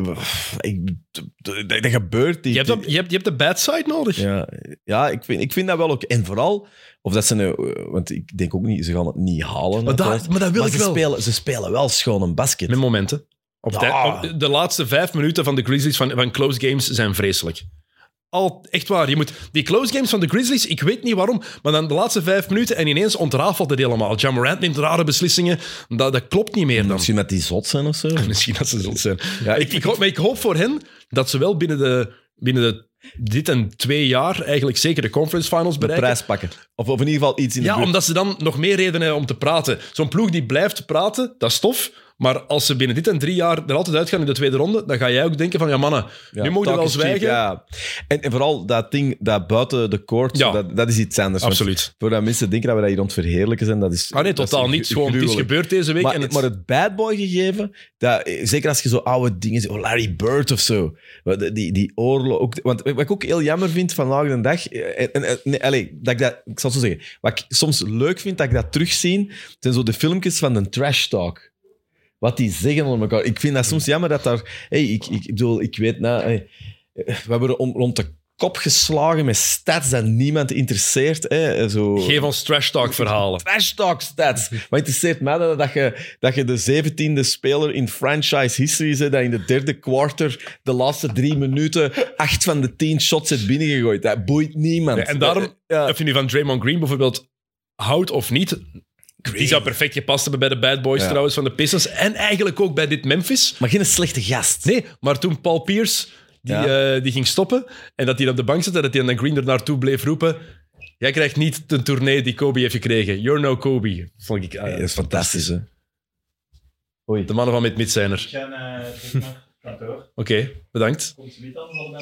We komen straks goeiedag zeggen. Dag. Het zo. Eh, nee, ik, ik, ik vind dat... Ik Maar vind dat, dat is, Ja. toen we dat hoorden, en je kon dat ook horen zeggen, Ja. dat maakt dat wel, moet ik het zeggen?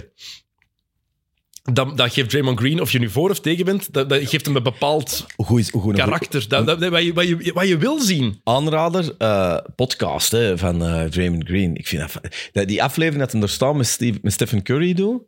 Niet? Ja, dat is tof. Is dat inhoudelijk zoveel, maar gewoon, die, die, al is het maar gewoon de, de, de, chemie tussen die gasten, het plezier dat die daar zitten. Ook was het niet zo in een, in een professionele studio. Die gasten, ja, aan geld zal het niet liggen, maar die zitten zo wat met een, met een handheld micro. Ja, alsof... Ja, al- Simpel, hè? een Fisher Price-achtige st- stuff aan het doen. Heerlijk. Ik vind dat, ja, ik hou van zo'n figuren. Ik ga het nodig hebben, want, want onlangs ook weer LeBron, hè, wat, wat ik eh, soms ook wel leuk vind om die kant ook eens te zien tegen Aaron Gordon. Ja. Dat gezien? Ja, ja. ik vind dat tof, zo dat Tuurlijk. ontkrachten. Eh, je ziet die heel de tijd bezig, maar wat zeggen die ook allemaal? Ik- Ik zou dat meer willen, willen, willen weten. De verhalen moeten... Want de mannen van de jaren 80 en 90 die vertelden meer details daarover. En nu, ja, wie zijn de beste trash-talkers? Ja, Luca. Wat zegt hij dan? Ja, ze gaan te weinig in detail daarover. Ik wil meer details. Bij, bij J.J. Reddick komt er soms naar buiten in The Old Man and the Three. Ja, Top podcast. Top, podcast, Man, die, die is goed. ja, dat is echt goed. De laatste was met Paul George. Ik weet niet of je die gehoord Nee, hebt. Of daar... niet gehoord. Heel interessant. Paul George die vertelt onder andere over Nikola Jokic, waarom het onmogelijk is om die mensen te stoppen. Maar ook die zegt van ja, ik heb beseft dat ik niet de nummer één kan zijn van een kampioenenploeg. En ik heb er vrede mee. Schoon. Heel schoon voor een mens die jarenlang nummer één is geweest. Die dat besef heeft en die het daar totaal niet moeilijk mee heeft. Ik heb onlangs Paul George schoenen gekocht die te klein zijn. Moet jij die hebben?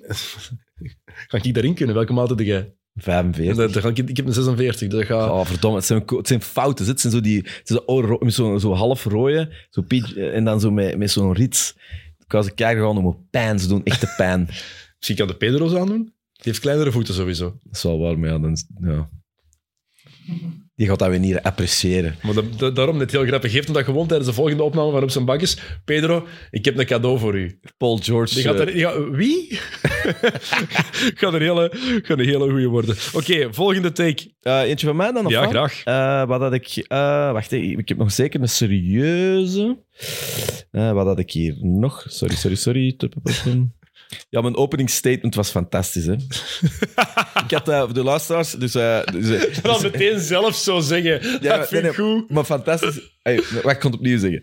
De reactie van een Dennis was fantastisch. Dus, dus WhatsApp is dat dan. Hey, eh, bla bla bla. De goesting om X&O's mee te doen. Ik zeg, wel, ja, dat is goed. Ik zeg letterlijk, ik- goed, mijn openingsstatement wordt... De Lakers worden kampioen als die twee Charles niet geblesseerd geraken. Dat wordt mijn openingsstatement en dan mag je beginnen gaan. Antwoord van Dennis. Ha, ha, ha, ik ga gewoon een kwartier lachen dan. Ik zeg, half één, perfect. Maar een van mijn favoriete emoji is inderdaad zo die, eh, dat blijtend lachen. Zo. Ik blijf dat een ongelofelijke emoji vinden, zelfs na al die jaren. De statement even grappig de, letterlijk, de tranen waren nog niet, niet opgedroogd. Breekt hem weer half zijn voet. dus ik kon het niet meer als openingsstatement gebruiken. Eh, dus ik ga het niet hebben over de Lakers. Eh, dat is effectief... Allee, dat, is, die, dat is echt de slechtste. Wat als ooit. Als die mannen niet geblesseerd geraken. Ja, dat is...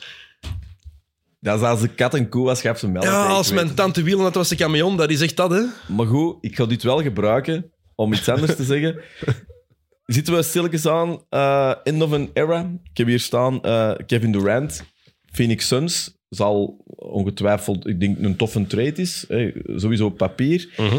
Zeker voor Chris Paul, hè, die nou ook wel terug wat lucht nodig heeft, denk ik. Eh, LeBron, we hebben het er straks ook nog wel wat gehad. Steph Curry, toch ook weer voelde van... Je gaat dat in sporten, hè? Dat is zo de... Dat, Echt het einde van een tijdperk is. ja, is dat? Of zijn, Maar ik denk sowieso- zijn die aan het hopen nu? Nee, maar ik denk dat het hangt er ook vanaf welk tijdperk we ergens bedoelen. Want Stephen Curry en LeBron James, ja, dat is hetzelfde tijdperk, maar ook weer niet. Want Ja. Curry is zes jaar na LeBron gedraft. Het LeBron-tijdperk van die mannen, hij is eigenlijk de enige die daar nog van overschiet, samen met Andre Iguodala. Ja, maar dat is... Nee, ik weet het, maar ik wil zeggen van die mannen die toen gedraft zijn. Hè, Ehm, 2003, 4, 5, Iguodala en Chris Paul. Voor de rest is daar, denk ik, niemand echt meer van over. Het kan zijn dat ik me... Haslem. En, ja, maar Johannes Haslem is, die, dat is geen speler Nee, meer. nee. Dat is de coach geworden. Ook al zit hij in tenue op de bank. Ja. Dus dat tijdperk is ergens al afgesloten. In, Ik mijn- heb, in mijn over, ik heb meer over de fragiliteit, het Ja. broos zijn. Maar hangt er ook vanaf, want dan kijk je naar Damian Lillard. Die is er nu 34, denk ik. Ik denk dat Lillard er 34 is. En die gooit er 71 binnen deze week. En die speelt... Tegen de Houston Rockets. Ja, maar die speelt los daarvan. Heb je die cijfers ervoor en daarna ook gezien? Die mens zit, is dit jaar op... Hij individueel is die top aan het spelen. Hè? Die is effectief zit... Wat is het? 32. 32? Oké. Die is fantastisch aan het spelen. Hè? Kevin Durant, ik schrijf die nog niet af. Gedraft in 2007. En ik weet het, zware blessures gehad. Wordt er 35 dit jaar. Ehm Achillespees, vooral die blessure. Elk jaar mist hij ook wel 20 matchen. Bij hem door effectief geblesseerd te zijn. Dat is niet de ene match wel spelen, dan weer niet. Die mist dan langere periodes. Maar ik denk wel dat ze daar bij Phoenix nog heel veel plezier aan kunnen beleven. en Ja, ik denk dat Phoenix effectief een contender is Hij nu. was echt geweldig in zijn eerste match. ja, ik heb gekeken ook. Oké, het was wel maar tegen Charlotte. Ja, man. Maar het is altijd een maar, hè. Ja, maar Charlotte is echt wel... Charlotte en Houston, daarom dat je ook zegt, het is maar tegen Houston. Dat zijn wel twee van de absolute voor krabbers van het jaar. hè. Maar voor een inloopmatch... Ik bedoel, Ja, hij- hij lang, zo- hij had- hij had exact, twee zo maanden- makkelijk had in een niet gespeeld? ploeg, dus- Twee maanden of zo? Hij heeft wel even niet gespeeld. hè. Eh, sinds ergens in januari. maanden. Ze zeiden het in de, in de Kleine podcast. twee maanden. Twee maanden. Dus, ja. Ja. Ehm, Ik, vind wel, ik vond dat wel een heel toffe trade, omdat Phoenix, ja, dat, is zo, dat begon ook wel wat te neigen naar, eh, wat is dat, always a bridesmaid, never, eh, Never the Bride. never the bride. Zo, eh, ja, ik, voelde, ik, voelde, ik voelde daar vooral een enorm motivatieding. Ook dingen, allee, de center. DeAndre Ayton. Ayton, dat, dat is eigenlijk een gast die zo'n geweldig seizoen. En dat, ik, dat, ik vond dat geen goed teken dat hij dan een seizoen later zo dat is. En, ja, nee, absoluut. En dat hij dan ook deze zomer niet met de coach gepraat had. Nee, dat, klopt niet. Met iemand als Monty Williams, Ja. de- waar iedereen alleen maar lovende woorden over heeft. Een van de liefste mensen in de NBA, blijkbaar. Ehm, maar is er een generatiewissel? Ik denk dat die eigenlijk al jaren aan de gang is. Als we kijken naar de beste spelers in de NBA. ehm, ja, LeBron wordt daar nog altijd genoemd, maar de laatste vijf, zes jaar zijn de beste spelers, echt, zeker de laatste vijf jaar. En dan heb ik het ook over het reguliere seizoen, als we doortrekken. Joel Embiid, Giannis Antetokounmpo zeker, ehm, Nikola Jokic, Luka Doncic, Jason Tatum. Dat is al een heel... John Morant is erbij gekomen. Dat is al een heel andere generatie. En je hebt Bubble, dan, Bubble LeBron uitgezonderd, hè? ja, maar de bu- bubbel is zo'n uitzonderlijk seizoen, omdat er echt zo'n stop is geweest voor de oude mannen, voor de oudere Was garde. dat top natuurlijk. Was het eigenlijk van, en voor Anthony Davis ook fantastisch, hè? want die kon zijn lichaam laten rusten. En dan, oké, is nu ook is het een even oude man, focus. ja. focus ja, li- lichamelijk is dat een oude man geworden, vrees ik. Ehm, was het even volledige focus op basket, alleen basket in de bubbel, want we konden, ze konden zelfs niks gaan doen. Ze konden alleen maar basketten. En misschien iets gamen, als ze een PlayStation hadden meegebracht, of een Xbox, of whatever. Voor de rest was daar niks te doen blijft straf wat die gedaan hebben. Hè. Ik neem niks weg van de bubbeltitel. Maar vorig jaar Stephen Curry, beste man in, in de playoffs in het reguliere seizoen, bij momenten. Maar als je kijkt naar het helemaal volhouden, een hele seizoen, dan is het sowieso al de andere generatie die eigenlijk wat aan domineren is in mijn ogen. Al Eh, even. Vinden dan ook wel niet dat die... eh, do- doet de NBA dan genoeg marketing eh, om die gasten ook echt supersterk Ik te vind maken? dat wel. Maar bijvoorbeeld Embiid of Maar zo... ik vind, ik- wat dat jij zegt is- over gevoelsmatig, bij LeBron had ik het gevoel van het is LeBron en dan komt de rest. En nu is er zoveel talent dat je niet kunt zeggen van die volgende generatie, wie is daar Maar de ik- man? Maar de- dat hoeft ook niet, hè, maar het is daarom dat ik Zit er een, zit er een wat je- crossover superster wat je gevoelsmatig... maar ik vind, maar ik vind dat niet waar dat, ik vind dat niet waar dat LeBron was en dan de rest. Want kijk naar de Warriors, dat is ook al bezig van 2013, hè?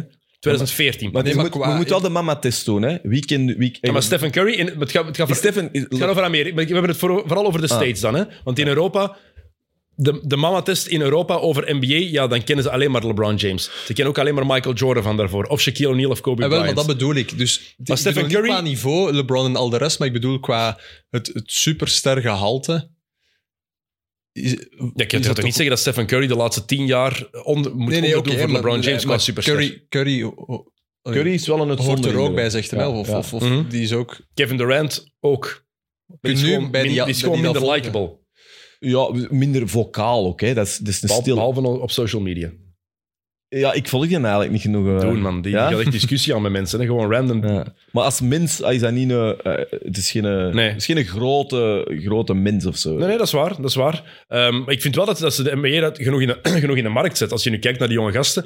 John Morant wordt genoeg uitgelicht als een van de mannen die Antetokounmpo gaan- ook wel, ja. Giannis ook. Maar- ja, Janis ook wel. Ehm Luka Doncic ook. Jokic minder, maar dat is gewoon omdat Jokic er zelf totaal niet om geeft. nee, en die heeft ook wel echt geen stijl. Als, als, eh, als, Jo- eigenlijk, als, is Jokic een, als figuur, hè. eigenlijk is Jokic een beetje los van naast. Ludo? Tim Duncan. Ah, oké. Ik kan Nonkel Ludo zeggen. Dat is zoals Tim Duncan naast het veld? Ja, maar... De persoonlijke awards boeit eigenlijk niet zo echt. Die aandacht, dat moet allemaal niet voor mij. Die interviews, oh, laat dat maar zo. Tim, Pers, Tim, pers, Tim, Tim Duncan had ook nog wel... Ik, ik, wat, Donk, eh, wat Jokic ook nog wel is... Ja, het is in, in UFC dat ook, hè, zo... Ja, als hem geen basketbal jersey aan is, zal er niet rap een sportman van Nee. maken. Terwijl, ja, bij LeBron er wel rap iets van... direct. Heeft wel zoiets, dat zou wel eens kunnen dat hij niets doet. Eh Ja. hij heeft heel weinig mee voor een marketeer. Mhm. Maar ik vind wel dat die jonge gasten, ik vind wel dat die genoeg in de picture worden gezet. Er is inderdaad gewoon niet zo.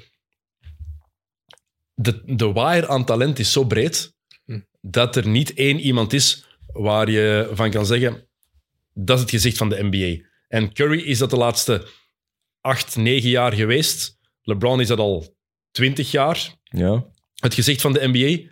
Daarvoor Kobe en Shaq, ook tijdens LeBron's periode. Kobe was dan mee. Shaq is daar even geweest. Duncan is daar nooit geweest, omdat hij gewoon dat de karakter, die persoonlijkheid niet heeft. Net zoals Jokic het nooit zal zijn.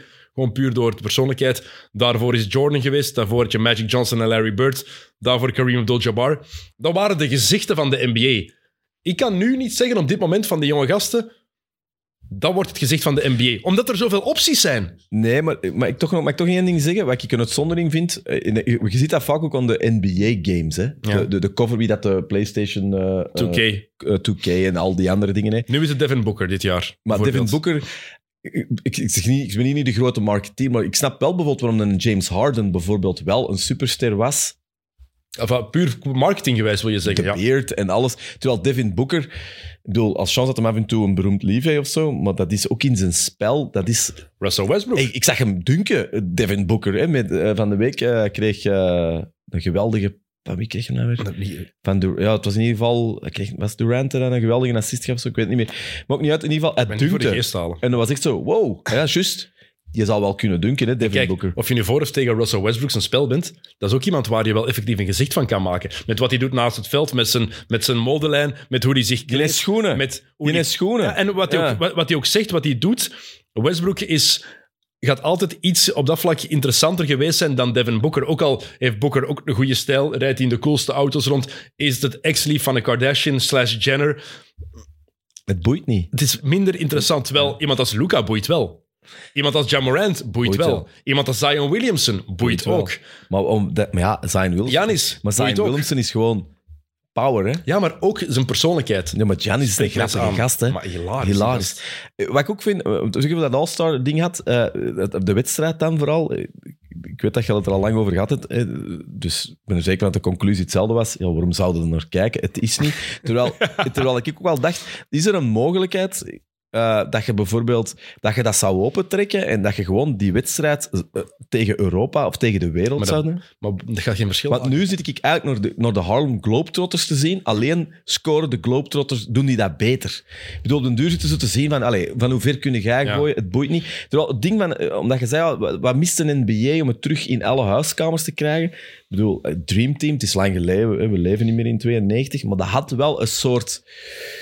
Je zag die gasten samenspelen. Terwijl nu kunnen we een All-Star game zien en je ziet die niet samenspelen. En ik denk, De droom-matchups, de line-ups, waar je hoe zou het zijn als...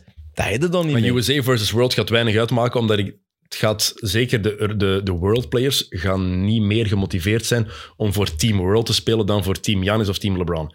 Ik denk dat het terug gewoon Oost tegen West moet worden. Ja, maar dan moeten ze winnen. Kun jij me, stel, dat, stel dat je nu gewoon... Dan moeten er natuurlijk minder eh, All-Star nominees... maar ja, Anders is het te veel. Maar je maakt daar een soort dreamteam van en je nodigt de best of the rest uit. Hè? Sorry. Ik bedoel, die gaan mij niet vertellen dat alles wat er uit een Euroleague eh, allee, komt, of het Spanje of weet ik veel wat, dat die niet gemotiveerd gaan zijn. Ja, maar die gaan verliezen met 50 punten. Hè. Dat weet ik niet. Ik denk het wel. Als, ze Als, effect- op de Olympische Spelen, als is dat, hun op de best gaan Olympische doen. Spelen is dat toch niet altijd? Ja, maar op de Olympische Spelen heb je veel teams die ook wel... Die zijn één, Die Team USA. eh, Team ja. USA, USA is vaak net samengesteld en veel van die nationale ploegen, die hebben al een bepaald... Die kennen elkaar al langer, die Ja, spelen maar langer ik vind dat je gewoon te weinig die gasten samen ziet. Ja, dat is ook zo. Je ziet die ene keer om de vier jaar en dan moet al blij zijn dat ze in de Olympische Spelen, want dan gaan, tegenwoordig gaan ze ook allemaal niet meer mee, omwille van dat seizoen en omwille van blessures en omwille van... Wat te begrijpen is natuurlijk.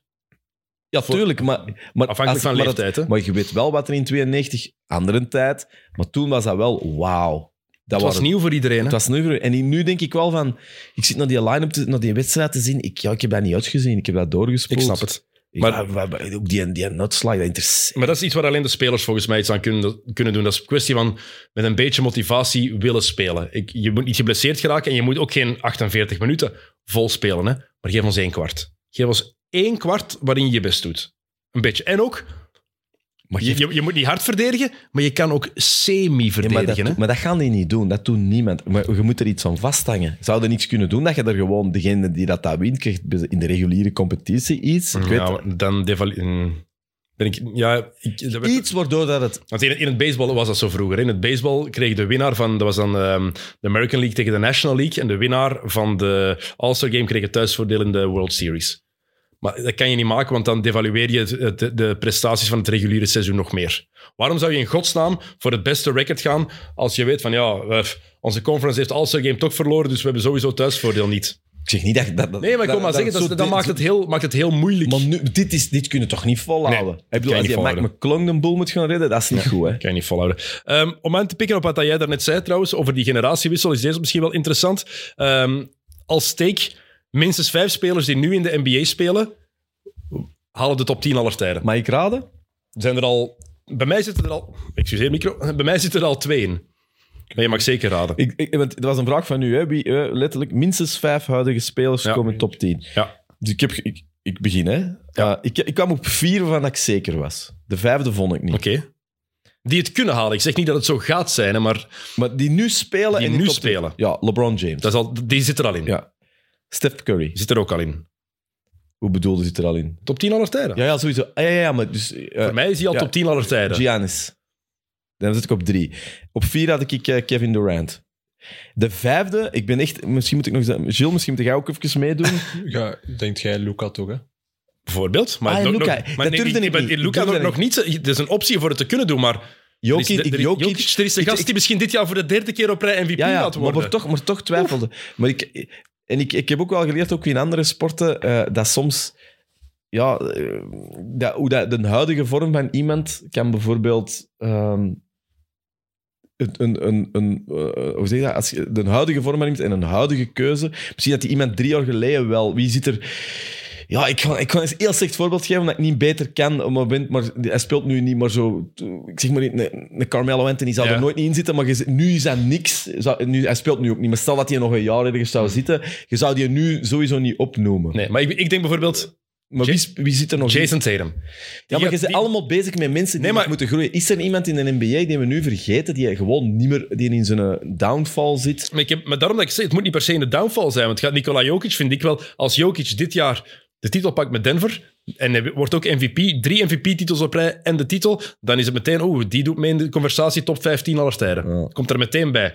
En want iedereen praat graag over, ja, je mag Oscar Robertson niet vergeten, Jerry West niet vergeten. Absoluut, zijn, zijn toppers, maar je moet het ook vergelijken. Je moet effectief kijken wat die mannen gedaan hebben. En dat vind ik heel belangrijk. Jerry West, negen keer de finals gehaald en dan pas heeft hij er een gewonnen individueel was het nooit de man die, die, die Jokic nu is voor zijn ploeg. West was fantastisch, hè? maar als je kijkt naar ook hoe hij het in de, in de NBA toen deed tegen zijn concurrentie. Hè? Jokic steekt er met kop en schouders bovenuit bij momenten. Dat Ja, is, en waarom, waarom is dat dan toch niet iets dat ik ook direct zeg? Ja, dat, is, dat is de vraag, daarom dat ik het ook Had opleg. jij Jokic onmiddellijk gezegd? Ja, het hangt er wel af hoe dat je de vraag formuleert, maar zoals... zoals Maar alle tijden, top, top 10 aller tijden. Jordan, Jordan, Shaquille O'Neal, Kobe Bryant. Dus je hebt al niet veel. Dat zijn al twee. Je hebt, Eh, je hebt- je hebt er nu al Billy, je hebt- je hebt- eh, dingetjes, maar je hebt nu al- Larry je hebt nu al Bird, twee- Magic Je Johnson. hebt er nu al twee opgenoemd die ik bijvoorbeeld niet in mijn top 10 heb staan. Wie had ik opgenoemd? Shaq en Kobe. Niet in de top 10. Maar, maar dat is heel individueel, hè? Oké, maar dat is niet een onnozele klap. Dat je Natuurlijk, maar, dus dat zijn, maar die zitten allemaal in discussie. Daarom dat ik ook Dus, zeg... maar, maar nu gaat er vijf pakken in het huidig, terwijl Ah, wel. binnen tien jaar is er een helft daarvan Will Alleen LeBron, Will Chamberlain, over- als je LeBron kijkt- overleeft dat. Dat is een enige dat dat overleeft. Curry, en Curry. ook. Ja. Dat zijn als, je kijkt, twee. als je kijkt naar de cijfers, als je kijkt naar de, de cijfers alleen, dan is het heel gemakkelijk om te zeggen Will Chamberlain altijd top 10. Ja. Maar als je kijkt naar wat hij ook gedaan heeft daar en het in de juiste nuance plaatst, verandert dat helemaal. Dan is het helemaal anders. Bill Russell, als je naar de cijfers kijkt, enkel naar individueel, dan zeg je waarom zou die in godsnaam in de top 10 staan? En dan begin je te kijken naar de nuance, wat hij gedaan heeft, wat zijn impact was, waarom die zo belangrijk was. Dan snap je dat wel. Kijk, Als je dit doet in het seizoen van de Phoenix Suns, hè, dan zit Charles Barkley erbij. Hè. maar ik heb het niet, ik heb, maar ik heb het niet over één jaar, hè? Nee, maar je weet wat, zo van die lijstjes, dat is altijd Tuurlijk. momentgevoelig. Je kan, dat pas, je kan dat pas over oordelen vanaf een carrière van een speler echt Ja, gedaan voilà. is. Behalve bij LeBron en Stephen Curry. Dat kan je, heb je nu al zo'n zo'n grote sample size dat je kan weten. Nou, die mannen zitten Maar daarin. Kobe vind ik wel zot. Maar dat, is, maar, dat is heel, maar, dat is heel subjectief, maar het- dat is heel subjectief. Voor mij is dat net op de rand. Want wie, ja, Jordan, LeBron, is 1 en 2. Dat is Maar gemakkelijk. Jokic wel en Maar ik- Kobe nu niet. Ik zou Jokic er nu nog Ah, niet oké. inzetten. Hè? Als hij zo blijft... Daarom dat ik zeg, als hij zo blijft verder gaan en dingen Giannis blijft winnen... nu al wel en Kobe nee, niet. ook niet. Nu nog niet, hè? Ja. Nog niet. Totaal niet. Janis is niet boven Kobe, hè? Ah, oké. Totaal niet. Nee, nee. De enige twee die ik nu boven Kobe plaats, die nu nog spelen, zijn LeBron en, eh, en Curry. Ja. Oké. All time. Ah, ja, de rest totaal niet, hè? Ja. Nee, nee, nee. Dat is nog, nog niet het geval, hè? Maar Janis, hoe oud is hij nu? Eh wie is gedraft in 27? 13. 26, 27? Die is toch piepjong eigenlijk, hè? 28. 28. Ehm, trouwens, niet van vers- schrikken. Die mensen, die, daar wordt te weinig over gepraat voor de MVP dit jaar ook. Hè. Die, Ja, ja. die gast is... Ik weet, ik, ik ben nog altijd Jokic op één, maar Janis is echt wel 1B voor dit jaar voorlopig voor de MVP-verkiezing. Dus denk er niet... eh, Als, ik denk, als ik zou zeggen wie wint dit jaar, ik zou mijn geld op de Bucks zetten. De titel, ja. Maar daar wil ik zo meteen iets over zeggen. Maar die top 10 aller tijden, nee. Die, er is buiten Curry en LeBron is er niemand die ik nu boven Kobe zet. hè. Dat is sowieso een lijstje, is heel sub- subjectief. Maar als je kijkt naar de mannen waar je dan over moet discussiëren, en ik ga het even gewoon in willekeurige volgorde. Buiten de top 2, voor mij die ligt altijd, de top 3 ligt eigenlijk altijd vast. Dat is Jordan, LeBron, Kareem. Ja, Magic Johnson, Larry Bird, zijn er al vijf ja, waar je over moet hebben. Dan ehm, Bill Russell, ja. Tim Duncan, Stephen Curry. Dus ze hebben al een acht. Tim Duncan, eh, dan denk ik dat, je- dat, toch, dat, dat is toch degene dat je het hardst over gaat moeten Maar discussiëren. Tim Duncan, dat is eigenlijk, en dat is het straffen, want dat is eigenlijk degene waar je het minst over moet ja, discussiëren. maar dat is een top 10, hè, man. Dat is Ja, niet veel, hè. Tim, Duncan is, Tim Duncan is zeker boven, is zeker top 7, aller tijden. Die mens heeft een winstpercentage van 70%. Dat is niet alleen maar dat zijn ploeg altijd goed was. Hè. Tony Parker en Manu Ginobili waren in 2002, 2003 en 2001, 2002 echt niet wat ze zijn geworden daar- daar- daarna. Duncan heeft daar een cultuur geïnstalleerd, heeft, daar die, ploeg, heeft, heeft die ploeg heeft er een winning franchise van gemaakt. Zwat, dat is een, dat, daar kunnen we een aflevering alleen voor maken. Maar die, die drie al, dan heb je Will Chamberlain, Shaquille O'Neal, Kobe Bryant moeten, in die, moeten mee in dat gesprek. Dan moet ehm, Kevin Durant moet erbij in, Jerry West, Oscar Robertson, Moses Malone. Zitten we al aan 15, hè? Dan Janis komt er eigenlijk ook bij. 16 namen die we Shaquille O'Neal, die erin? heb ik gezegd, ja. Dat zijn 16 namen die mee in de discussie nu al horen voor top 10 aller tijden. En een volgorde gaat altijd subjectief zijn. Maar ik denk dat iedereen het wel kan eens zijn. Die 16 namen, als we de discussie voeren, die gaan aan bod komen. Dat, ik weet dat dat subjectief is, hè. Dat is zo. Maar dat is Voor een heel groot deel. En dat maakt het is leuk. gewoon tof, ja. Dat maakt het leuke daarnet ook aan, hè? En dat je erover kan discussiëren. Want voor Kobe- als iemand zegt, jij wilt, Kobe zit in mijn top 10, ik zet die op 6, kan ik perfect begrijpen ook. En ik zou jouw argumenten ook helemaal kunnen volgen. Ik ben het er niet mee eens dat je die boven Maar- Tim Duncan kan zetten, maar Maar als je dus er vijf van, als je vijf van de huidige Mhm. erin wilt, dat wil dus zeggen dat er nog drie bij moeten. Dat, dan moet er, moeten er dus drie zijn die Duncan er gaan Ah, uitkletsen. ik- Ol- dan Olajuwon ben ik zelfs vergeten. Oeh. Heel belangrijk. Duncan eruit en wie hebt jij 19? Duncan gaat er niet uit. Top 10. Oké, maar dus, dus dan, Duncan- kan, Duncan allemaal al- bijna niet. Ik, wil, Will, ik vind Duncan, Duncan hoger dan Will Chamberlain. Oké, dus dan moet één van Maar ja, dan moeten er drie ja, zijn die wil Chamberlain. Wel jammer dat Tim Duncan u nooit gaat hè, als eh, PR-marketing. maar ik denk dat er echt een aan denkt, Tim Duncan, ja, Maar dat is al het- weet je wat- weet je wat Sowieso zijn er nu mensen aan het tippen. weet je wat het Tim ergste is? Weet je wat het ergste is? Ik ben nooit fan van Tim Duncan geweest eigenlijk. Want ik vind die, vond die vaak super saai om naar te kijken. Die heeft weinig charisma. Op een veld, de Spurs waren de definitie van grijs. Hebben de mooiste basketbal gespeeld in 14 en Duncan was toen totaal geen cruciale speler meer. Dus ik ben nooit fan geweest van Duncan. Dat is echt puur gewoon, als ik het objectief bekijk, kan ik daar niet anders van zeggen van fuck, wat die man gedaan, wat die mens gedaan heeft, is te straf en dat wordt eigenlijk ondergewaardeerd. En dan Ik- komt, dan komt, was- en dan komt Hey, David Robinson Kobe, binnen en Kobe. die komt alle aantekeningen als ik, als ik moet kiezen, laat mij, als ik moet kiezen, matchje opzetten, zien, Kobe of Duncan. Ik, Kobe 100 keer op 100, hè. Altijd zet ik een match van, van, van de Lakers op. Er zijn, als ik moet kiezen tussen, tussen Hakim zien spelen of Duncan, altijd Hakim Olajuwon, mijn lievelingscenter aller tijden. Kan die objectief niet, voor mij, mijn gevoel, kan ik die, kan ik die niet onder Duncan plaatsen. Dus het is niet dat ik een Spurs-fan of een Duncan-fan ben, maar gewoon als, ik dan, als je dat effectief bekijkt en de juiste waarde daarvan ziet, dat, is, dat wordt straffer en straffer en alleen maar indrukwekkender wat die mens gedaan heeft. Je moet een Belga sport over Tim Duncan doen. Heeft, heeft hij iets met België? Dat is vervelend. Vroeger, vroeger maakten wij waren de Belgasports over Lance Armstrong en Jan Oerig en zo. Zonder Belgische link. Nu is het echt wel... Het moet, er moet een Belgische link zijn. Gaat moeilijk worden, denk ik. Heeft, een Benga, heeft hij ooit in een Benga zijn gezicht gedunkt? Dan kan ik het gebruiken. In die drie minuten dat een Benga op het veld stond. Nee, maar dat is het mooie aan Komt die- er eigenlijk een Belga sport over DJ en Benga? Ehm, dat zou leuk zijn, maar het ding is, je hebt natuurlijk ook beeldmateriaal nodig. Hè? Als er iemand amper op het veld heeft gestaan, is, is dat nogal moeilijk. Nee, nee, nee, ik, ik weet het niet. Eh, dit, dit seizoen is nu net afgerond. We zullen zien of er nog... Ik weet niet of er zelfs nog een volgend seizoen Ik, vind dat, ik vond dat, dat blijf ik ook altijd, ik weet niet of je dat hier al eens gezegd hebt, maar dat blijf ik altijd iets heel fascinerend vinden. Dat was een interview met DJ en Benga, toen dat hem bij Dallas, of nog op het einde van de Lakers, ik weet het niet goed. Maar het was in ieder geval dat hem wel... ey.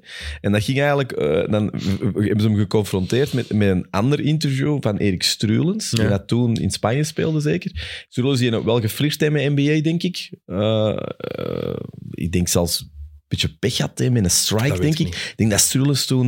In wat pech- 99 met die, pech met die had, lockout, Ja, de 98, lockout dingen. 99. Maar pint me daar niet op vast. En eh Sturgeon had dus kritiek gegeven van een Benga, letterlijk, eh, wat zit er daar te doen als je toch nooit niet speelt? En dat vond ik wel een zot antwoord van een Benga, die zei... eh, eigenlijk redelijk lief over Erik Sturgeon. Die zei, ja, als je nooit in de NBA hebt gespeeld, dan zeg je zo'n dingen. Maar als je hier rondloopt en je zit in dit, in deze wereld, dan kan ik je garanderen dat, het, dat je nooit nee zeggen, zelfs niet tegen twee minuten hier zitten, dat dat sowieso veel zotter en ruiger en cooler is dan inderdaad spelen in de Euroleague. Ja, ik ben het er, Thomas van der Spiegel gaat het daar niet mee eens zijn. Nee, nee, maar ik, heb, ik weet Nee, nee, ik veel. absoluut. Maar ik, vind, dat, dat vond ik, ik vond dat gewoon een, een goed antwoord. Omdat er zit wel iets in... eh, zo, eh, dat maakt ten eerste het NBA-gegeven magisch. En dat is inderdaad, ja, dat is die eeuwige, het eeuwige vraagstuk. Doe de, eh, wil u testen met de allerbeste? Mhm. Of zitten waar dat het gebeurt? Of zeg je nee, ik wil gewoon eh, ja, een ander soort voldoening halen? Mhm. Maar onderschat de Euroleague ook niet. Niet onbelangrijk. Ik, ik heb dus niet als... eh ding, nou, dat weet dat, dat is nu, dat, dat je dat gezegd hebt, dat, dat ik gereageerd heb, twee van die... Want Strulis is ook een straffe gast geweest. Absoluut. Hè? Eh, absoluut. Nee, dat ik zei van twee van de drie staan niet in mijn top 10. Nu ben ik dus aan het twijfelen. Ik denk dat ik Shaq er toch in had gezet en Kobe net niet of andersom. Dat is, en, maar dat is het toffe aan zo'n lijstjes. Dat, dat verandert constant en dat varieert. Ik denk enkel mijn top 3 staat vast. Ja. Nu. Maar, dat kan ook weer Want veranderen. als wij heel de avond met iedereen hier eh, Shaquille O'Neal highlights gaan zien, dan staat je tegen het einde van de avond in de top op- 3. Maar, maar de, de, de, reden, de reden dat Shaq in mijn top 10 altijd heeft gestaan is... Die mens heeft vier jaar alles gedomineerd. Hè. Er was niemand, je kon daar niet aan. Drie titels op rij, maar als je kijkt... Wat was het, hoe moest je kampioen worden? Shaq in de ploeg hebben. Dat was gewoon zo. Speel je met Shaq? Oké, dan doe je mee voor de titel. Blijft een van de heerlijkste... Ik ben al niet vergeten wie daar het slachtoffer was. Die een dunk dat hem door Chris doel- Dudley. Chris Dudley. Maar ook natuurlijk eh, Chris Dudley weer vandaar. Is, Dat hij die een Chris- bal naar Shaq Ja, ja. gooit daarna. Maar en ook, het, is ook, het had ook veel minder cool geweest moest Chris Dudley ook een grave gast geweest zijn, maar dat is dan ook weer een kerel die precies uit een ander tijdperk komt. Ook, zo- die- dat was de, de, de ultieme antithese van eh Shaq. Ja, Shaq was... En ook, Maar vooral dat hij eigenlijk gewoon... Die, die, die, die, die duwt je niet weg. Die, eigenlijk Oh, die- schu- die schuift je weg. Ja, maar, maar, maar, maar we denken wel vaak aan Shaq enkel als power, maar die had heel veel finesse in zijn spel. Goed voetenwerk, een heel goede touch eigenlijk ook inside, had geen vrijworp, maar dat was veel meer dan enkel een gast die dat gewoon back-up, back-up dribbel deed en erdoor trekken. Het voetenwerk van Shaquille O'Neal was indrukwekkend bij momenten. En Ik vond dat wel... ik- dat is wel grappig, maar... eh, En dat is ook niet geheel eh, wetenschappelijk onderbouwd, maar als ik zo in mijn kop of zo onmiddellijk denk, zo het eerste wat ik denk als ik Shaquille O'Neal denk, dan zie ik toch soms sneller het Orlando Magic jersey dan het Lakers shirt. ah, ik ook. Altijd. Ja. Maar dat is ook die, die stopt dat is zo jeugd, dat goed is met- jeugdsentiment Je voor staat mij ook. zo goed met dat Orlando, eh, dat zwart-wit gestreept ding. Ja. Mhm. Ben even met een top 10 aan het opschrijven. Ben, het is, dat is moeilijk, man. Moet ik ondertussen nog iets anders eh, naar u gooien? moeilijk. Maar ik, had ik hier iets om nog op, op in te pikken? Ja, gaat nog een hele goeie. eh, Nee. Wacht, wacht hè. wat had ik nog? Trouw, ah ja, ik, ik had één opgeschreven om in te pikken op wat jij net zei. ik denk dat de Bucks het gaan halen. Als de Bucks gezond zijn, denk ik ook dat het, eh, dat het Milwaukee wordt dit jaar. Ja, maar als we die dingen doen, dan worden het toch de Lakers. Dus ik vind nou geen, ex- geen excuus. Als iedereen gezond blijft. Dat is zo goed, hè. Deze kop. Dan verdoen ik het. Vooral dat. Wacht, we gaan, we gaan Maar dit is niet... Als je, Als lachen- als je aan het lachen bent, vind ik het niet meer leuk. Maar dat, dat, het, het gaat die seconde ervoor. Dat is eigenlijk de Vooral de verbazing van... Het is vooral, dat, vooral zo type... Ik ben aan het typen van een top 10. Als de Lakers het halen, als de Lakers het halen, dan gaan we op mijn kosten eten in de Jane. Als die kampioen worden. Dit jaar. Echt waar, dan trakteer ik alles op Ja, maar hij is, dat is nou gemakkelijk. Hij is Ja, weer maar nee, geblesseerd. jij- Hij is weer Jij geblesseerd. hebt aan mij gestuurd, gisteren, of eergisteren heb jij gestuurd, eergisteren, twee dagen geleden. Eh, als ze gezond zijn, worden ze kampioen. Wel, als ze kampioen worden, dan trakteer ik alles op en eraan in de Jane. Goed? Oh my, deze gaat zo'n epic build-up zijn als die eerste planes gaan halen. maar dat gaat zo kantje boord zijn, die planes. Want LeBron gaat net terugkomen. Dat gaat zo het moment zijn. Zo, ik, ik weet niet wat. En dan die eerste ronde waarschijnlijk 3-0 achter terugkomen. Dan die stress dat er gaat komen. En Heerlijk. daarna tegen de Kings. Oh, zo- zo'n goede ding. En dan, dan gaat het al beginnen. Ja, maar ja, dat was nou wel een gemakkelijke... Oké, ja, de J, goed. Ja, ik moet daar iets tegenover zetten, maar ja, ik, wat kan ik Nee, nee, nee, nee. Dat moet, je, dat moet jij zelfs... Wel, ik, ben zo, ik heb zo vertrouwen dat dat niet gaat gebeuren dat je er zelfs iets tegenover moet zetten? Amai. Wauw, Dat is dat, zijn, dat de beste wetenschappen. Een tip voor iedereen in het leven: gewoon outrageous eh dingen naar een Dennis sturen. Ik heb de letter... Ja, ik heb met, met Sam Kerkhoff is daar goed in, hè, maar die moet zelfs niks outrageous zeggen. Ja, ik heb, maar de, het is- le- het is ik heb de letter S van Sam op mijn voet getatoeëerd. Hè. Ja. Voor het feit, die heeft gewoon twee maanden, of één maand een pornostore moeten laten staan. Dan zei die, wat ga jij dan doen? Zal ik de letter, zal ik, ik een tattoo voor u zetten? Ja. Hij had Heerlijk. tegen mij gezegd, je moet een tattoo laten zetten van de letter S. Oké, goed. Heerlijk, de Jane, niks mis mee. heel Ehm. Ja, maar ik toch, en toch blijf ik erbij dat je- dat dat... dat, dat ehm, ja, er het zou een mega Cinderella-story We zijn. zijn nu Als- weer over die Lakers bezig. Maar- Echt? Het is wel nu of nooit voor LeBron, hè. Want oké, ik zal het serieus pakken. Wat als, het, gaat niet gebeuren, we weten het. het play-in, eerste ronde eruit waarschijnlijk. Dat is denk ik wel... We gaan de playoffs niet halen, denk ik. Zelfs de play-in game Denk, niet? denk het niet, nee. Oké, omdat ze gaan moe omdat ze te moe Play-in gaan ze wel halen, hè. Nu staan ze, wacht, op dit moment staan 11 nu. Maar ja, ja, hij is één natuurlijk- match achter de Pelicans en één match achter Utah. als, Ehm, als Davis tenminste niet geblesseerd Nee, maar de Pelicans die zijn gewoon niet meer hetzelfde geweest sinds de blessure van Ja. Zion. En Maar Zion die- heeft zijn blessure weer erger gemaakt. Dus die stoppen dit jaar, hè. Ik vrees dat het gewoon niet goed genoeg is, dat, dat ze het niet gaan halen. Hun spel is ook gewoon niet goed genoeg. Je merkt dat. Ehm, Utah, gaan die, effectief, gaan, die effectief dat blijven, gaan die er effectief blijven staan? Want die blijven wel hun best doen. Will Hardy, wat een topcoach is dat. moet Ah, wel- over- over zo'n goede coach die iets uit zijn ploeg haalt wat andere mannen niet zouden doen. Will Hardy bij Utah. Ik vind wel, ik vind wel zo... eh, ja, ik, zie het doen, zo, maar Laurie Markkinen... Hey, als die in Chicago rondloopt of zo, dan moet nu toch... Hey, Ja, daar hadden ze niet gedacht dat het dit ging ja, worden. ja, dat is toch echt... oh, hey, een grotere fuck you kan toch niet, denk ik. Ik, hè? ik denk de Lakers kunnen de play halen, maar ik zou er mijn geld niet op zetten. Ik zou er niet op durven wedden. Ik ben daar echt niet zeker genoeg van. Maar die laatste plaatsen, nummers 8, 9, 10, 11, 12, Minnesota, Utah, New Orleans, Lakers, Portland en zelfs OKC daaronder nog. Maar ik denk dat ze het daar opgegeven hebben, dat ze denken we misschien toch nog iets meer kans maken op Wemby. Weet je wat, we- weet je wat we ook kunnen doen? Weet je wat, we ook- weet je wat we ook kunnen doen? Weet wat, we zullen het zo doen. Misschien spannender of zo. We zullen het ook zo doen. Eh, we gaan samen naar de Jane eten. Eh, we gaan naar de Jane eten. Nee, wacht. We gaan, we gaan het echt doen. Wacht, we gaan dit serieus doen. We gaan naar de Jane eten. En we gaan... eh, wacht, hè.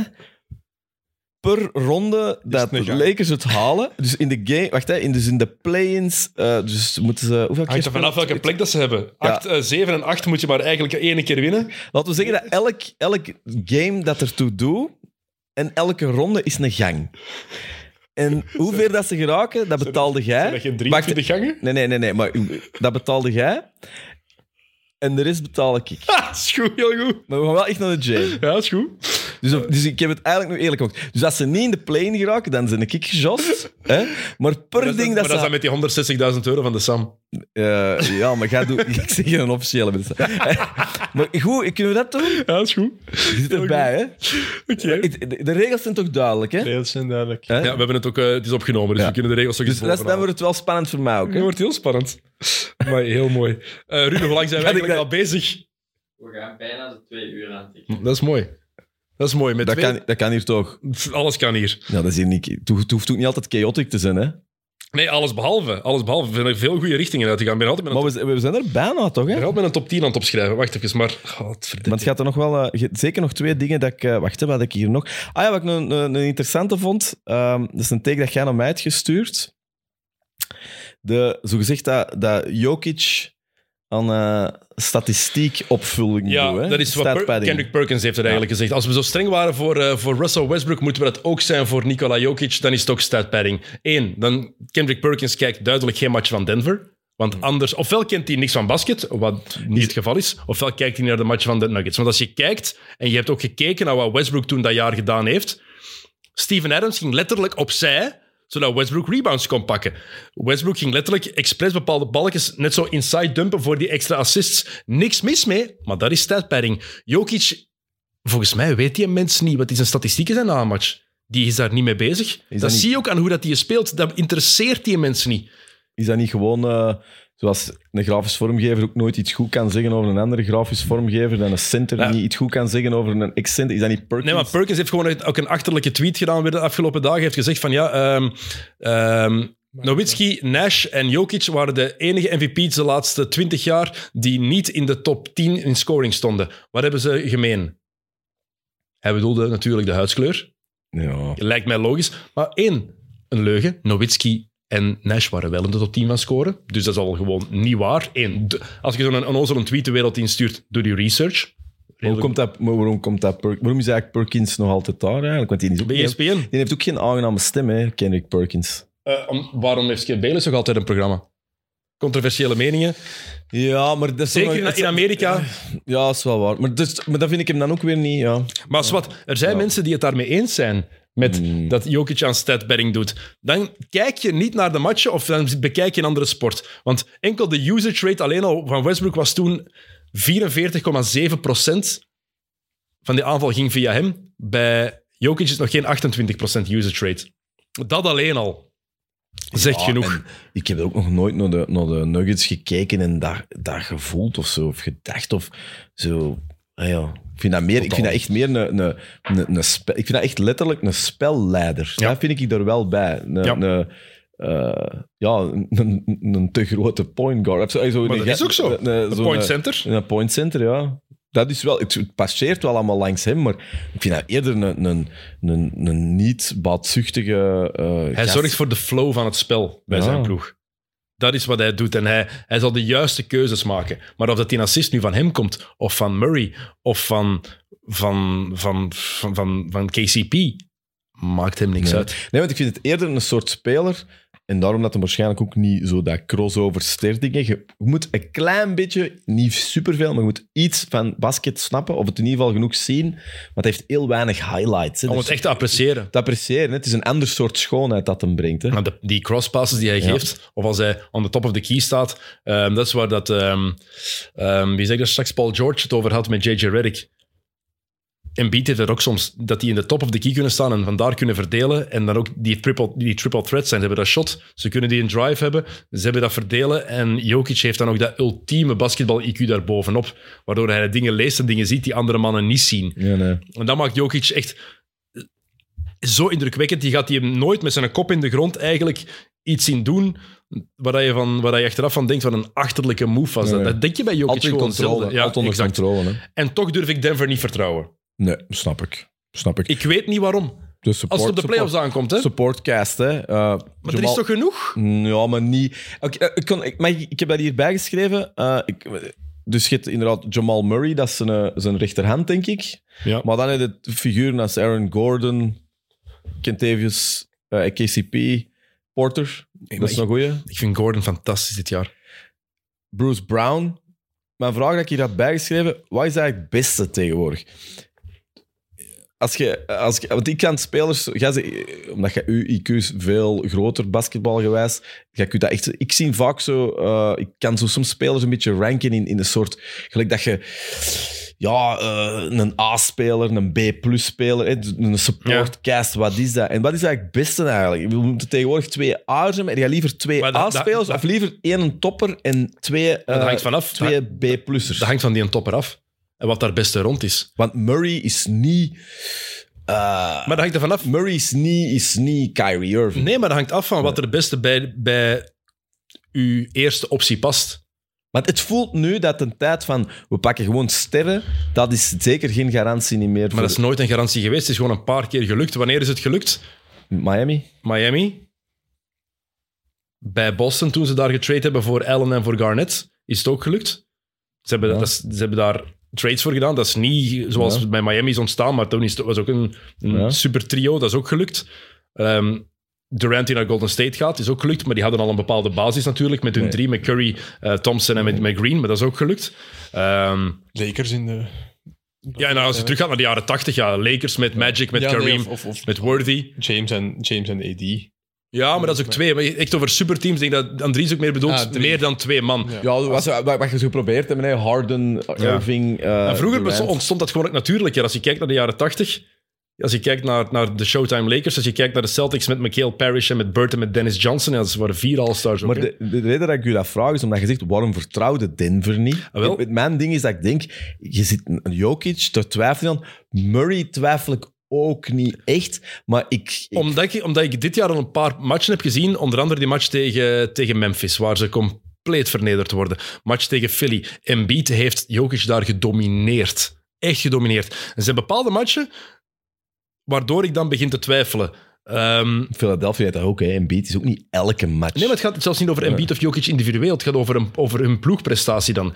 En dan, zijn de, dan, gebeuren er dingen waardoor ik begin te twijfelen oeh, in een seven-game series kan dit wel eens een zware klap zijn. Ik weet niet hoe zij zich gaan, blijven, hoe zij zich gaan kunnen blijven aanpassen aan andere ploegen. Want dat is het. Een seven-game series is constant u aanpassen, want je speelt heel de tijd tegen dezelfde ploegen, dezelfde so- so- manier van spelen. Ehm, ploegen passen zich aan, want je, je kent elkaar door en door. Je weet alles wat het andere team gaat, gaat willen doen. Dus het is een kwestie van die kleine details veranderen, die kleine tweaks. En ik weet, ik heb gewoon het vertrouwen er niet helemaal in bij Denver. Golden State staat nu op dit moment, wat staan die? Ehm, vijfde. nu, met 33 en 30. Ik heb nu nog altijd meer, vertrouwen, vertrouwen, in de. Warriors dan in de Nuggets. dat Terwijl het eigenlijk op basis van Ja. dit seizoen ongefundeerd zou moeten zijn. Maar dat is ook een ongeschreven sportregel. Championship mentality, hè. En Curry is weg nu. Ehm, Wiggins is er niet bij. Als die terugkomen... En wat, wat, wat dingen, pool weer aan het doen is. Ja, En eindelijk, die, hè? en die, die andere, die Kaming, ehm, Kaminga. Jonathan, dat is ook niet... allee, dat begint ook allemaal... eh, Maar het werd tijd dat Poel iets begon te doen Ja, geld dat hij kreeg, hè? Rustig. dat je dat nog niet hebt gebracht, zo het boek met de overbetaalde zo. De wet van, de wet van Harris. Ja, maar ze mogen allemaal zoveel verdienen als ze willen. Echt. Maar Ja. ik snap wat je wilt zeggen. De, de, de Warriors, maar daar geloof ik wel in. Zo. Het weten wat het is om te winnen. En bij Jokic heb ik toch altijd het gevoel Ik dat had- dan altijd een heuvel is waar dat mogen Ja, moet. en ik had zelfs meer vertrouwen in de Clippers tot Westbrook daarbij is gekomen, want ik denk dat dat hen echt wel zuur kan opbreken. Clippers kunnen niet... Ik, dat, ik vind dat... Ik weet Dan had het. toch al moeten gebeuren. Ik bedoel, weet Kawhi het. Leonard is nog altijd... Hij is lang geblesseerd geweest, maar hij gaat niet beter worden dan dat hij mis. Paul George, wat Maar kunnen we... nou- Kawhi, heb Kawhi de laatste weken? Maar even, laat me even doen. Back, hij is terug, hè? Maar ja, maar die, dat, hoe lang zeggen... Die, die zit daar niet sinds gisteren, hè. Die is Nee, wel even bezig. Paul George, dat is al zo lang... Het is toch iets dat niet We werkt. mogen niet vergeten, de playoffs 2021. Kawhi was de eerste twee ronden waanzinnig, hè? Ze halen dat jaar voor het eerste conference finals. Maar Kawhi blesseert zich, net voor ze naar de conference finals gaan. Maar daarvoor, die twee rondes tegen... Hij schakelt de Mavericks uit. Een van de beste... Game 6, denk ik, was dat, denk ik, Jules? Hij, ver- hij, maakt, hij, maakt, ja. hij, hij houdt Luca helemaal onder bedwang en hij scoort er 42, denk ik, in aanval. Kawhi, dat is toch maar nog geen twee volledige jaren geleden, hè? Maar ik, snap niet dat dat, hij zo maar ik afgeschreven snap is. niet dat je zegt, ik durf Denver niet vertrouwen Ah, wel. en dan de Clippers wel. Maar nee, en, en wel, en dat is het, dat is het irrationele eraan. er is iets, er is iets, die ploegen hebben dat gewoon, Maar er is iets dat niet dat is waarom ik... klopt. Dat, maar dat is Phoenix, exact... Phoenix heeft dat ook een beetje. Maar nu hebben ze KD. Ja, maar, verandert maar voor Durant... Absoluut. En, maar, Dat is, en, en dat is het irrationele eraan. Da- daarom, dat ik het net, daarom dat ik de Clippers aanhaal als voorbeeld. ik heb dat zelfs een klein beetje met Boston. En zo, Ah, ja. Mm, door vorig jaar niet. Nu, ze hadden... ehm Mazzula, daar geloof ik niet helemaal in. Die neemt heel rare beslissingen als headcoach. geraken. Hè? Als ze Udoka hadden gehad, dan waren ze nu voor mij, denk ik, meer favoriet geweest dan, Dan de dan Bucks. Milwaukee. Milwaukee weet wat... Ik geloof toch nog altijd in weten wat het is om te winnen. En Janis, Janis is Maar wat een... wat een- next level. en, wat een, en ook een soort kracht dat echt kan gamechangen. hè. Want als we hadden het daar straks over hè, die vijf man die de top 10 kunnen halen. Giannis sowieso. Janis is echt, het is er niet ver vanaf. Hè. Het is er, eh, laat hij nog één titel winnen met Milwaukee en nog eens MVP worden. En we moeten dat serieus overwegen om die daarin te zetten. En dan moeten we hem, voor mij wat pijnlijk gaat doen, ik moet hem boven Hakim zetten. Misschien nu al zelfs. Heel moeilijk, want ik wil Hakim heel graag in mijn top 10 zetten, maar dan kijk ik zo aan, aan daaronder, ah, dan moet ik Kobe eruit halen. Of, de, of Wilt. Wil ik dat doen? Hmm. Subjectief gezien wel. Objectief? Moeilijk. En Janis, als hij nog één... Ik weet als, maar die gaat toch niet stoppen zonder nog minstens één keer kampioen te worden? In Zeker. Was Die- 28, sorry. Nee, Dat zal toch een 4-5 worden. Dat is toch wat hij in zijn carrière zal willen doen. Maar ook twee met Milwaukee. Ook een, ook een, een loyale gast ook, hè. Twee met Milwaukee Ja. is meer waard Ja. dan vier met een of ander superteam. Heeft wel een betere cast altijd gehad, hè. Ja. Joe Holiday en Chris Middleton is nu ook niet zo... onver- Chris Middleton, hallo. Ja, maar is- Dame Lillard heeft wel geen Chris spelen, Middleton. Chris Middleton... Rustig, Andries. Rustig. Maar je Rustig, wel Andries. heel respectloos over Chris Middleton. Nee, maar dat is geen. Dwayne Wade, hè? Nee, maar dat is, dat is toch wel een serieus Ja, goede maar dat is, speler. geen, dat is geen Dwayne Wade of geen Clay Thompson. Bijvoorbeeld, hè? Ja, Durant nu- had nu- Curry en Thompson naast zich lopen. LeBron had Chris Bosh en Dwayne Wade naast zich lopen. Dwayne Wade trouwens, een van de meest onderschatte supersterren aller tijden. We zijn al heel snel vergeten hoe goed dat die was. Ja, ja, zwaar. Ook in de eerste twee Anders jaren van de Heatles. had LeBron het ook niet Nee, gehaald. nee, nee. En die is echt En de derde, Chris Bosh. Chris Bosh. Ja. Wat een rare figuur is Chris Bosh, met dit te zijn. Ah, ik vond dat spijtig dat hij is moeten stoppen. Ik Ja. heb het er keihard voor. Zeker, maar die is een, die is een zijn. Die maakt nu, ehm, die heeft omdat zo'n zo'n sympathieke gast is, maar dat is dus een nice guy, en die maakt dassen. En dat heet de Nice Tie. Heerlijk. Wat zijn dat, wat zijn dat dassen van 3 meter 16? Zo. Die kunnen we ergens anders ontwikkelen. Ja. Als we-. Als we die, als we die laten hangen. Ehm, Oké, maar Denver, ja, het ding is, die hebben de op één na beste aanval. Sinds 1 januari hebben ze, ze de op zes na beste verdediging in de NBA. Ehm, en maar het zijn door die, de bepaalde matchen dat ik begin te twijfelen. Want ik gun het die ploeg ongelooflijk hard. En ik wil eigenlijk de Nuggets wel eens in de finale zien. Ik wil die in de finals zien. Ik zou dat cool vinden. Denver, eh, Denver tegen, tegen Boston bijvoorbeeld. Of Denver tegen Milwaukee. Het is het doemscenario voor de ratings. Ja, ja, denk ik. Want Denver en Milwaukee... Ja, dat Is zijn... Milwaukee niet al wat... Als, Ja. stad, als, als markt is dat niet echt heel Ja, maar interessant. hè. Janus is toch... Voor de great- Janus Ja. trekt dat toch, hè? Maar ik zou het heel graag zien. En toch, heb ik je, toch is er iets in mij waardoor er rode vlaggen in mijn, klop begin, in mijn kop beginnen te wapperen door be- bepaalde matchen, zoals die eh, tegen Memphis van een paar dagen geleden. Die werden daar zo afgemaakt. Zwat. Eh, waar ik ook soms wel rode vlaggen bij heb, is een van mijn favoriete ploegen van dit seizoen. De Sacramento Kings. Derde in het Westen en hebben die derde plaats eigenlijk redelijk goed onder controle. Drie matchen voorsprong over Phoenix. Te braaf. Dat gaan erbij. ik heb erbij geschreven te braaf. Die gaan de eerste ronde niet overleven, volgens mij. Te braaf. En ik, ik wil dat niet zeggen, hè. Ik vind de- nu uit tegen Golden State als het zo blijft. Ja. te braaf. Weet je wat ik, weet je wat ik het, het, eh, het symboolvoorbeeld van de- het probleem van de Kings vind? Dat, Sabonis. Waarom? Hoe een goede speler is dat? Ja. Solide. Solide. Dat is echt de definitie van Solide. solide. Maar zou die nooit zot worden? Nee. Gaat hij ooit zo... Ah, doen? Zo, zo dat... De, ja, Het werden zoiets... eh, Is het niet, is niet op het niveau, als, je, als het er echt toe doet, zijn, ze- zijn de ploegen gelijk, het zijn allemaal goeie, dan, komt er zo'n an- dan moet er een ander soort stof vrijkomen. Sabonis, ja, ik, ik, ik, ja dat denk ik ja, heel goed. Heel goed. Fox heeft dat bijvoorbeeld wel. Die net dat wel, maar dat is het enige. Nog, Malik en er is, en er is, ja, kijk hoe, Kevin Hurter, top, maar dat is supportcast, hè. Dat zijn de B's, hè. Ja, maar het is... eh, Fox is optie 1. Ja, ja, Darren Fox is de ster, hè. Ja. En Darren Fox is clutch. toch...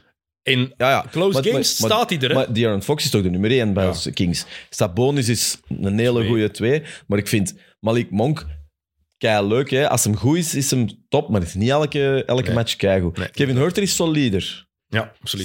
Dus, uh, was al in Atlanta, was hij er al.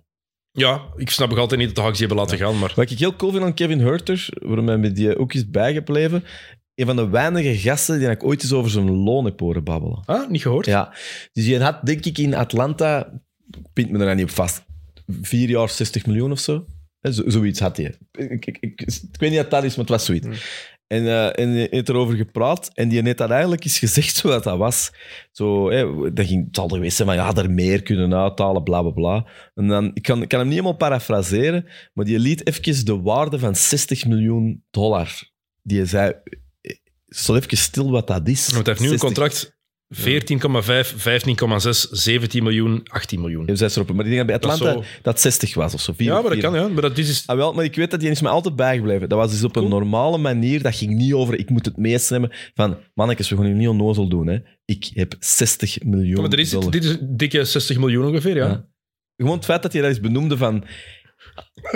Let's be real hier, hè. Dat is dik oké. Ik ben miljonair. Dat is echt oké. hè. ja. Dus sindsdien heb ik het wel voor Kevin Hurter. Shot er ook veel goed binnen. Hè. Ja, behalve een driepunt contest was het enige waar die er niet binnen shotte. Oh, dat was erg. Ja, maar ja. Ja. Kan gebeuren. Wanneer is dus Lillard tegen Curry? Dat- waarom Hebben ze dat nooit niet, al Ja, eens niet gedaan? Want eh Lillard had al twee, had twee keer hiervoor meegedaan. Hè? Ja, maar volgend jaar wil ik wel Curry tegen Lillard zien. Ze hebben alle twee juist één gewonnen, het is goed. Dat is waar. Ik denk wel dat dat pijnlijk voor Eh, Lillard geworden. De Kings trouwens, historisch sterke aanval dit seizoen. Ehm, en dat thuisvoordeel dat ze dan hebben voor... Ik heb heel veel analyses daarover al gelezen en gehoord en iedereen zegt ja, dat gaat voor minder druk zorgen. Ik denk eigenlijk het tegenovergestelde. Die gaan voor het eerst sinds 2006 in de playoffs staan. Als franchise, als club, gaat een gigantische opluchting zijn. En Maar die, het thuisvoordeel gaat toch net voor extra druk zorgen, want ja, thuis moet je het dan doen. dat seizoen is misschien ook wel geslaagd. Maar als je een top 3 seed bent dan, Ja. en eruit ligt in de eerste ronde, is het nooit een succes dan. Hè? Maar de Kings... Het is al geslaagd, absoluut. Daar ben ik het helemaal mee eens. Hè? Maar ik denk, al- in de ogen van die franchise... Die hebben, nog echt, die hebben echt niks gehaald, hè. Dat is niks, hè, de Kings. Kevin Herter is nieuw, hè? sinds- Nee, nee, ik bedoel, als geschiedenis van de club. Ah, ja, dat ze nog de Rochester Royals waren. Ja, maar, ja, maar dat is... Dat En ze hadden de finals... moet echt Dennis Sayed heten om... eh, En ze hadden de finals, ze hadden de finals in 2000... Jeopardy. Jeopardy-vraag. Ze hadden de finals, Ting! ze hadden de Rochester finals- Royals. In 2002 hadden ze de finals moeten halen. Ja. Toen eh Horry die een driepunter binnengooit voor de Lakers. Oh, de Horry, ja. De Robert, het Robert Horry shot. Robert Clutch Maar Horry. game 6 en game 7, de refs... Robert Horry, is dat 7 rings of veer- Zeven. 1400 rings? Dat is veel, hè? Dat is echt veel. Zeven. 7 rings, hè? Zeven, zeven rings, ja. Wat een held. Ja. Maar toen, game 6, was eh, een van de Tim Donaghy games. Hè? Oh, ref. dat zit wel echt ver weg, hè. Zeg Moet dat maar eens opnieuw bekijken. De calls die ze daar tegen krijgen. Divac die gewoon tegen Shaq zijn armen omhoog doet en Shaq scoort. Oké, maar dan... de calls die daar tegen... Wat was dat Divac bij de Kings? Dat was ehm ploeg met Mike Bibby, Doug Christie, Peja Stojakovic, Chris Webber, Vlade Divac, Bobby Jackson, Corliss Williamson, ehm, Lawrence Thunderberg zat er toen ook nog bij. Tof ploegje. Het is waanzinnig dat dat allemaal in die kop zit, Dat is man. niet normaal. Dat is niet normaal. La- Ik bedoel, Lawrence... Maar die, dat is, er zijn wel meer dingen uit aan het gaan, moet ik zeggen. Dus die is, die is keuzes maken. Ja. Die is keuzes maken. Snap ik. Maar, hoop niet te veel, hè, want deze is wel geniaal. Het is echt keigoed. Eh, maar het probleem bij Sacramento is Nog eentje, mij- sorry, sorry, ik niks. onderbreek. Nog Maar- eentje, nee, sorry, het is een moment. Ja. Oei, nu gaat er iets komen. De rookies van 2003. Rookies van Je hebt 2003. 10 ja. seconden. Wat, de, de draft? Ja, de first picks en Ja, de... dat, is, dat, is, LeBron, Milicic, eh Mello, Bosch en Wade. Dat is de top 5. En David West is toen ook nog gedraft, denk ik. Dat er zeker bij. Maar dat is de 5. Ik weet niet wie als zesde gedraft is. De top 5 vind ik gemakkelijk, maar de 6... Dat is een draft van 2003. En David West is daar ook zeker bij. David Dus- West eh, klopt. Ja. 18, Wie was de zesde pick toen? Eh, ik zal wat... eh, Naar de Clippers is hij gegaan, zesde pick. Nee, dat weet ik Een niet. soort van cult, cultfiguur. Ik weet het echt niet. Chris Kamen. Ja, toen Chris Kamen. Ik wist het wel. Fuck. All- All-star. We got him! Chris Kamen All-Star. Dus de Kings dit seizoen... Clinton. Het probleem dit seizoen van de, van de Kings is ook... hoe goed die, die aanval is historisch goed, maar hun defense is eigenlijk niet zo stabiel. Eh, als 176, 175 tegen de Clippers, zeg misschien ook Ja, iets. ja. Maar in de playoffs is defense net iets belangrijker. En ik weet niet hoe ze daarmee gaan omgaan. Eerste keer, eh, eerste keer in de playoffs. Ik vond dat sowieso een... eh, een ik vond dat tof, omdat dat zoiets is, maar ik, ik zag die niet aankomen, dat je het over Sacramento wou. Ik vind dat is een van mijn... Dit jaar is een zo leuk om te zien. Toffe ploeg. En de gunfactor bij de Kings is toch ook gigantisch, Ja, hè? dat is waar. Eindelijk. En ze hebben daar ook iets tofs, die light beam, eh, dat het stadion altijd komt. Ze hebben het daar echt goed aangepakt, vind ik. En Ja. eindelijk. Allee, Die hebben ook wel jaren droogte het gehad. is minder lang geleden dat de Seattle Supersonics een serie in de playoffs hebben gewonnen dan de Sacramento Kings. En de Sonics bestaan niet meer sinds 2008. Ja. Dat zegt alles. Betere truikens wel. Sonics, beter, alles beter. Seattle, dat is echt, dat is zo'n, dat is echt de ultieme cult in de NBA. Snap ik. Moet er terugkomen. Oké, ehm, had ik nog één ding? Ik had nog één ding, denk ik. Ja, Ja, de niks hadden jij nog? ja de, het, is een, het is een binnenkop en ik doe het een beetje voor Imata Nouri, die mij nog gestuurd had. Eh, een paar maanden geleden had hij mij gestuurd over de Knicks. Van ja, sorry Imat, maar ik, ik heb het er een beetje mee gehad met het feit dat de Knicks zo irrelevant zijn. Ze zijn dan even gestoft twee seizoenen geleden. En, maar dat is dan ook weer zo niks met Carmelo Anthony. Hebben ze het zelf compleet verpest, want ze hadden kunnen wachten ehm, tot Melo free agent was. En dan hadden ze Gallinari kunnen bijhouden. Hadden ze, eh, denk ik, toen Raymond Felton kunnen bijhouden. Ehm, hadden ze echt een toffe ploeg gehad. Maar ze hebben die getrade voor Melo en dan was het om zeep. Hebben ze, niks, ze hebben, ze hebben Wat niks is gepresteerd. Wat is dat eigenlijk met de niks? Je hebt zo... ehm, je dat hebt, zoals de Lakers. ja, je hebt niks fans, hè? Ja, je hebt zoals je Lakers fans hebt. Ja. Je hebt ze de paar, de paar Er zijn zo be- bepaalde clubs die, het, die de NBA beter maken als ze het goed doen. Ja. De Lakers, de Celtics, de Sixers, de Knicks en de Bulls. Waarom de Sixers? De, de, de traditieclubs, Ah ja, de traditiefranchises. ah, ja oké. In mijn ogen... De Sixers zitten dan nooit bij mij in dat hoofd, maar dat is waar. maar is, dus, Barkley, daarvoor, en daarvoor Julius Irving, Allen Moses Malone, Iverson. Allen Iverson. Iverson, daarna- en ook ja. gewoon daarvoor nog Will Chamberlain. Ja, Het zijn van die, Iverson, ja. de originele franchises. Ja, ja. Oké. En de Knicks, maar de Knicks hebben dat nog meer. De Knicks zijn, zoals de Lakers eigenlijk, je hebt altijd interesse in wat de Knicks doen, zelfs als die sukken. De Lakers was ook hetzelfde. Een paar jaar geleden, die, dat ze toen echt 20 matchen op een jaar worden, eh, wonnen. We bleven over de Lakers praten, omdat het de Lakers jaar zijn. bedoel je. Iets meer gewonnen. Ja, ja. Iets meer. Maar niet zoveel. maar de, de Knicks zijn ook zo'n zo'n club. En of je nu voor of tegen de Knicks bent, of de Lakers of de Celtics, de NBA is gewoon toffer als die ploegen Ja. het goed doen. En Imad stuurde mij dat, en dat is inderdaad ook wel. zo. Het is altijd leuker, en nu zijn ze eindelijk weer een klein beetje relevant. Ik weet niet hoe lang het gaat blijven duren. Ze staan op dit moment Vijfde. vijfde. Zeven op rij gewonnen. Zie, twee matchen voorsprong boven Brooklyn en 3,5 over Miami. 37 en 27.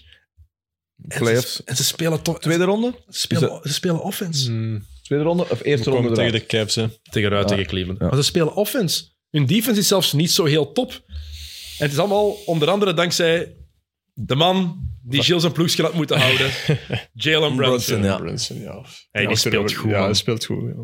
Ja, dat is wel waar. Ja, maar ik vind ze zeker oké. hè. Eh, vond- maar ik, wat wat ik bijvoorbeeld een interessante figuur daar vind, is eh, eh, Randall. Ja. Die ook zo een jaar de ster is. Want twee jaar geleden was de, had er niks ook een opflakkering. Hè? Met Randall toen, Ja. weet je dat nog? Dan, was hij, dan was hij most improved. Hè. most Ja. improved. En dan vorig jaar was hem een schim. Ja, en nu terug. En nu terug. Dus dan denk ik ook altijd... Voor zo'n Randall denk ik, ja, dan net het ook een beetje nu kleuren laat. Eh, Wat bekend, of niet? Hij heeft toch volk nodig, hè? ja, maar ik denk sowieso... Maar ik denk dat dit wel een heel goede periode is om terug mensen te kunnen aantrekken als je in New York bent. Het is en blijft de Big Apple. Het is een interessante markt, maar echte interessante free agents aantrekken. De laatste die wilde komen was Carmelo Anthony. En Zion Williamson wou ook naar de Lakers gaan, en naar de, de Niks. Knicks gaan, maar dat, dat was geen optie natuurlijk. Maar ik denk nu, er was er nu wat neerzetten zijn, ehm, wat het, het nieuwe bestuur, het bestuur dat er nu een jaar of drie is, denk ik, wat ze daar aan het neerzetten zijn, dat het nu wel weer interessanter wordt en dat ze nu wel weer meer kans gaan maken om een free agent binnen te halen. En ik denk dat het heel slim is geweest dat ze niet voor Mitchell zijn gegaan. Dat ze niet doorgeduwd hebben, maar dat ze wachten op de juiste free agent. Mhm. En ik, in mijn ogen hebben ze nu... ja, er zit daar meer, meer geduld, iets meer know-how. Ook al was ik daar vorig jaar niet meer van overtuigd. Want dat bestuur kreeg ook altijd klappen, hè? Nou, terecht ook, hè, al die Ja. jaren, come on. Ik weet Is dat niet- veranderd? Dat is veranderd. Nu is het... ehm, goh, wie is dat nu? De, de general manager is daar... ehm, je hebt William Wesley, is daar advisor. Ehm, Leon Rose is daar nu de, de president, maar je hebt zoveel titels daar. Het is gewoon belangrijk dat James Dolan, de eigenaar, zich zo weinig mogelijk moeit. Dat is belangrijk, denk ik. Als dat niet gebeurt... Scott Wanneer, Perry. wanneer, wanneer wil jij general manager worden? Nee, nooit. Graag, hè? Maar het zit er niet in, denk ik. Want die, van die simpele Belgisch vragen zeker. De idioot met zijn echterlijke top 10. Tim Duncan. Hey. Eh, als, als ik een Tim Duncan zou kunnen binnenhalen, ben ik GM, GM of the Year direct. Hè? Dat is wel een feit. Eh, dat is, die mens is gedraft door de Spurs en direct, het was veranderd daar. Hè? In de comments gaan toch een paar mensen zo... "Ja, Tim Duncan. Ah, ja, maar, ik weet, maar nog eens duidelijk maken. Sowieso hebben de mensen nu Tim Duncan zijn record terug liggen Maar ik ben geen fan, hè. Allee, gewoon subjectief. Het is niet dat die mens mij iets doet. Je kunt er gewoon niet naast kijken. Het gaat niet. Ze- meer dan 70% winstpercentage. Nooit de playoffs gemist. Tegen dat we gaan eten in de Jane weet ik alles over Tim Duncan. En het was eigenlijk een zwemmer eerst, hè. Echt? Tim Duncan ging, eh, was een eh, toptalent in het zwemmen. En, ehm, dus hij komt van de Maagdeneilanden. Ja. Hij ging echt, was, ging een Olympische zwemmer worden. En dan is er een gigantische orkaan geweest en heeft eh, het zwembad daar vernietigd. Dus hij kon niet meer gaan zwemmen. En is hij beginnen basketten. Op vele vlakken denk ik dat dat zijn leven verandert. Hè. Ik Dat denk ik ook. denk niet dat hij na zijn zwemcarrière, eh, na zijn voetbalcarrière schoenen moet verkopen bij Ambiorix of zo, denk ik. eh. Wauw, Fredje. Sletje Insta, Amai. ja. Inderdaad. ja. Ik denk dat topbasketter worden ietsje meer oplevert. Ja, ik denk dat je het schoenenmerk hebt, Ja. denk ik. Behalve als je Tim Duncan bent, want die geeft er niet om. Nee? Die, die zijn kleren, die als hij rondlopen. Hey, volgende keer, als ik hier nog eens kom, we gaan eerst de Jane eten. is goed. Als ik nog eens kom, wil ik wel eens een special doen. Zo, zo, de, zo de meest berooide ex-NBA. eh, goed. zo. Nee, dat is heel goed. Dat gewoon leuk. Er zijn veel, veel opties. Maar, maar, maar zoeken, niet de Iverson zal je pakken, hè, zo zoeken van waar dat het niet van verwacht. Wie zijn de mannen die ongeveer... Derek Coleman, eh, Antoine Walker, die hebben Oh. het serieus... Ja, ook een paar namen dat je moet opzetten. En er is ook interessant een docu over Broke. Of je Ja. die al gezien hebt. Nee. De 30 for 30. Heel interessant over NFL-spelers ook en NBA-spelers die dat hun geld er, ja, die bepaalde levensstijl willen aanhalen of aanhouden en dan hun geld erdoor brassen ook. Je hebt gasten, ja, het contrast in een kleedkamer is gigantisch. Hè? Binnenkort hebben we mannen die 70 miljoen verdienen, maar ook mannen die maar 1 miljoen verdienen of anderhalf miljoen. Maar die willen wel mee kunnen doen met die levensstijl van die toppers. En dat zorgt voor problemen dan. Maar kijk, dat is... We gaan dat in de Jane de bespreken. Dat is, heel goed, de Jane. Eh, moeten we er Sam mee vragen om te sponsoren? Nee, nee, de Lakers, jij gaat dat besponsoren, want de Lakers gaan kampioen worden. Probeer je gewoon al te helpen. Oké, Andries Dat Dikke gaat, dat, gaat, dat zo'n schone story zijn, dat wij zo soep aan het eten zijn en dat jij zegt, mijn rekening stopt hier. Nog 18 gangen te gaan. Oké, eh, dus welcome to the EE. Misschien volgende week? Ja. Hopelijk volgende week. Ik, ja, maar niet maar, dus ja, ja, ik hoop het. Ik hoop Over andere. Gewoon, eh, Alex, dat je snel beter wordt. Dat is eigenlijk het Ja, belangrijkste. dat is het denk ik. allerbelangrijkste. En dan, eh, dan zien we wel wanneer jullie terugkomen. Maar jullie worden gemist. Dank je wel. Dat duidelijk zijn. Ik ben blij dat jullie toch nog wel even een goede rant-aflevering hebben gehad voor eh, jullie even zijn gestopt. Castage, was goed, hè.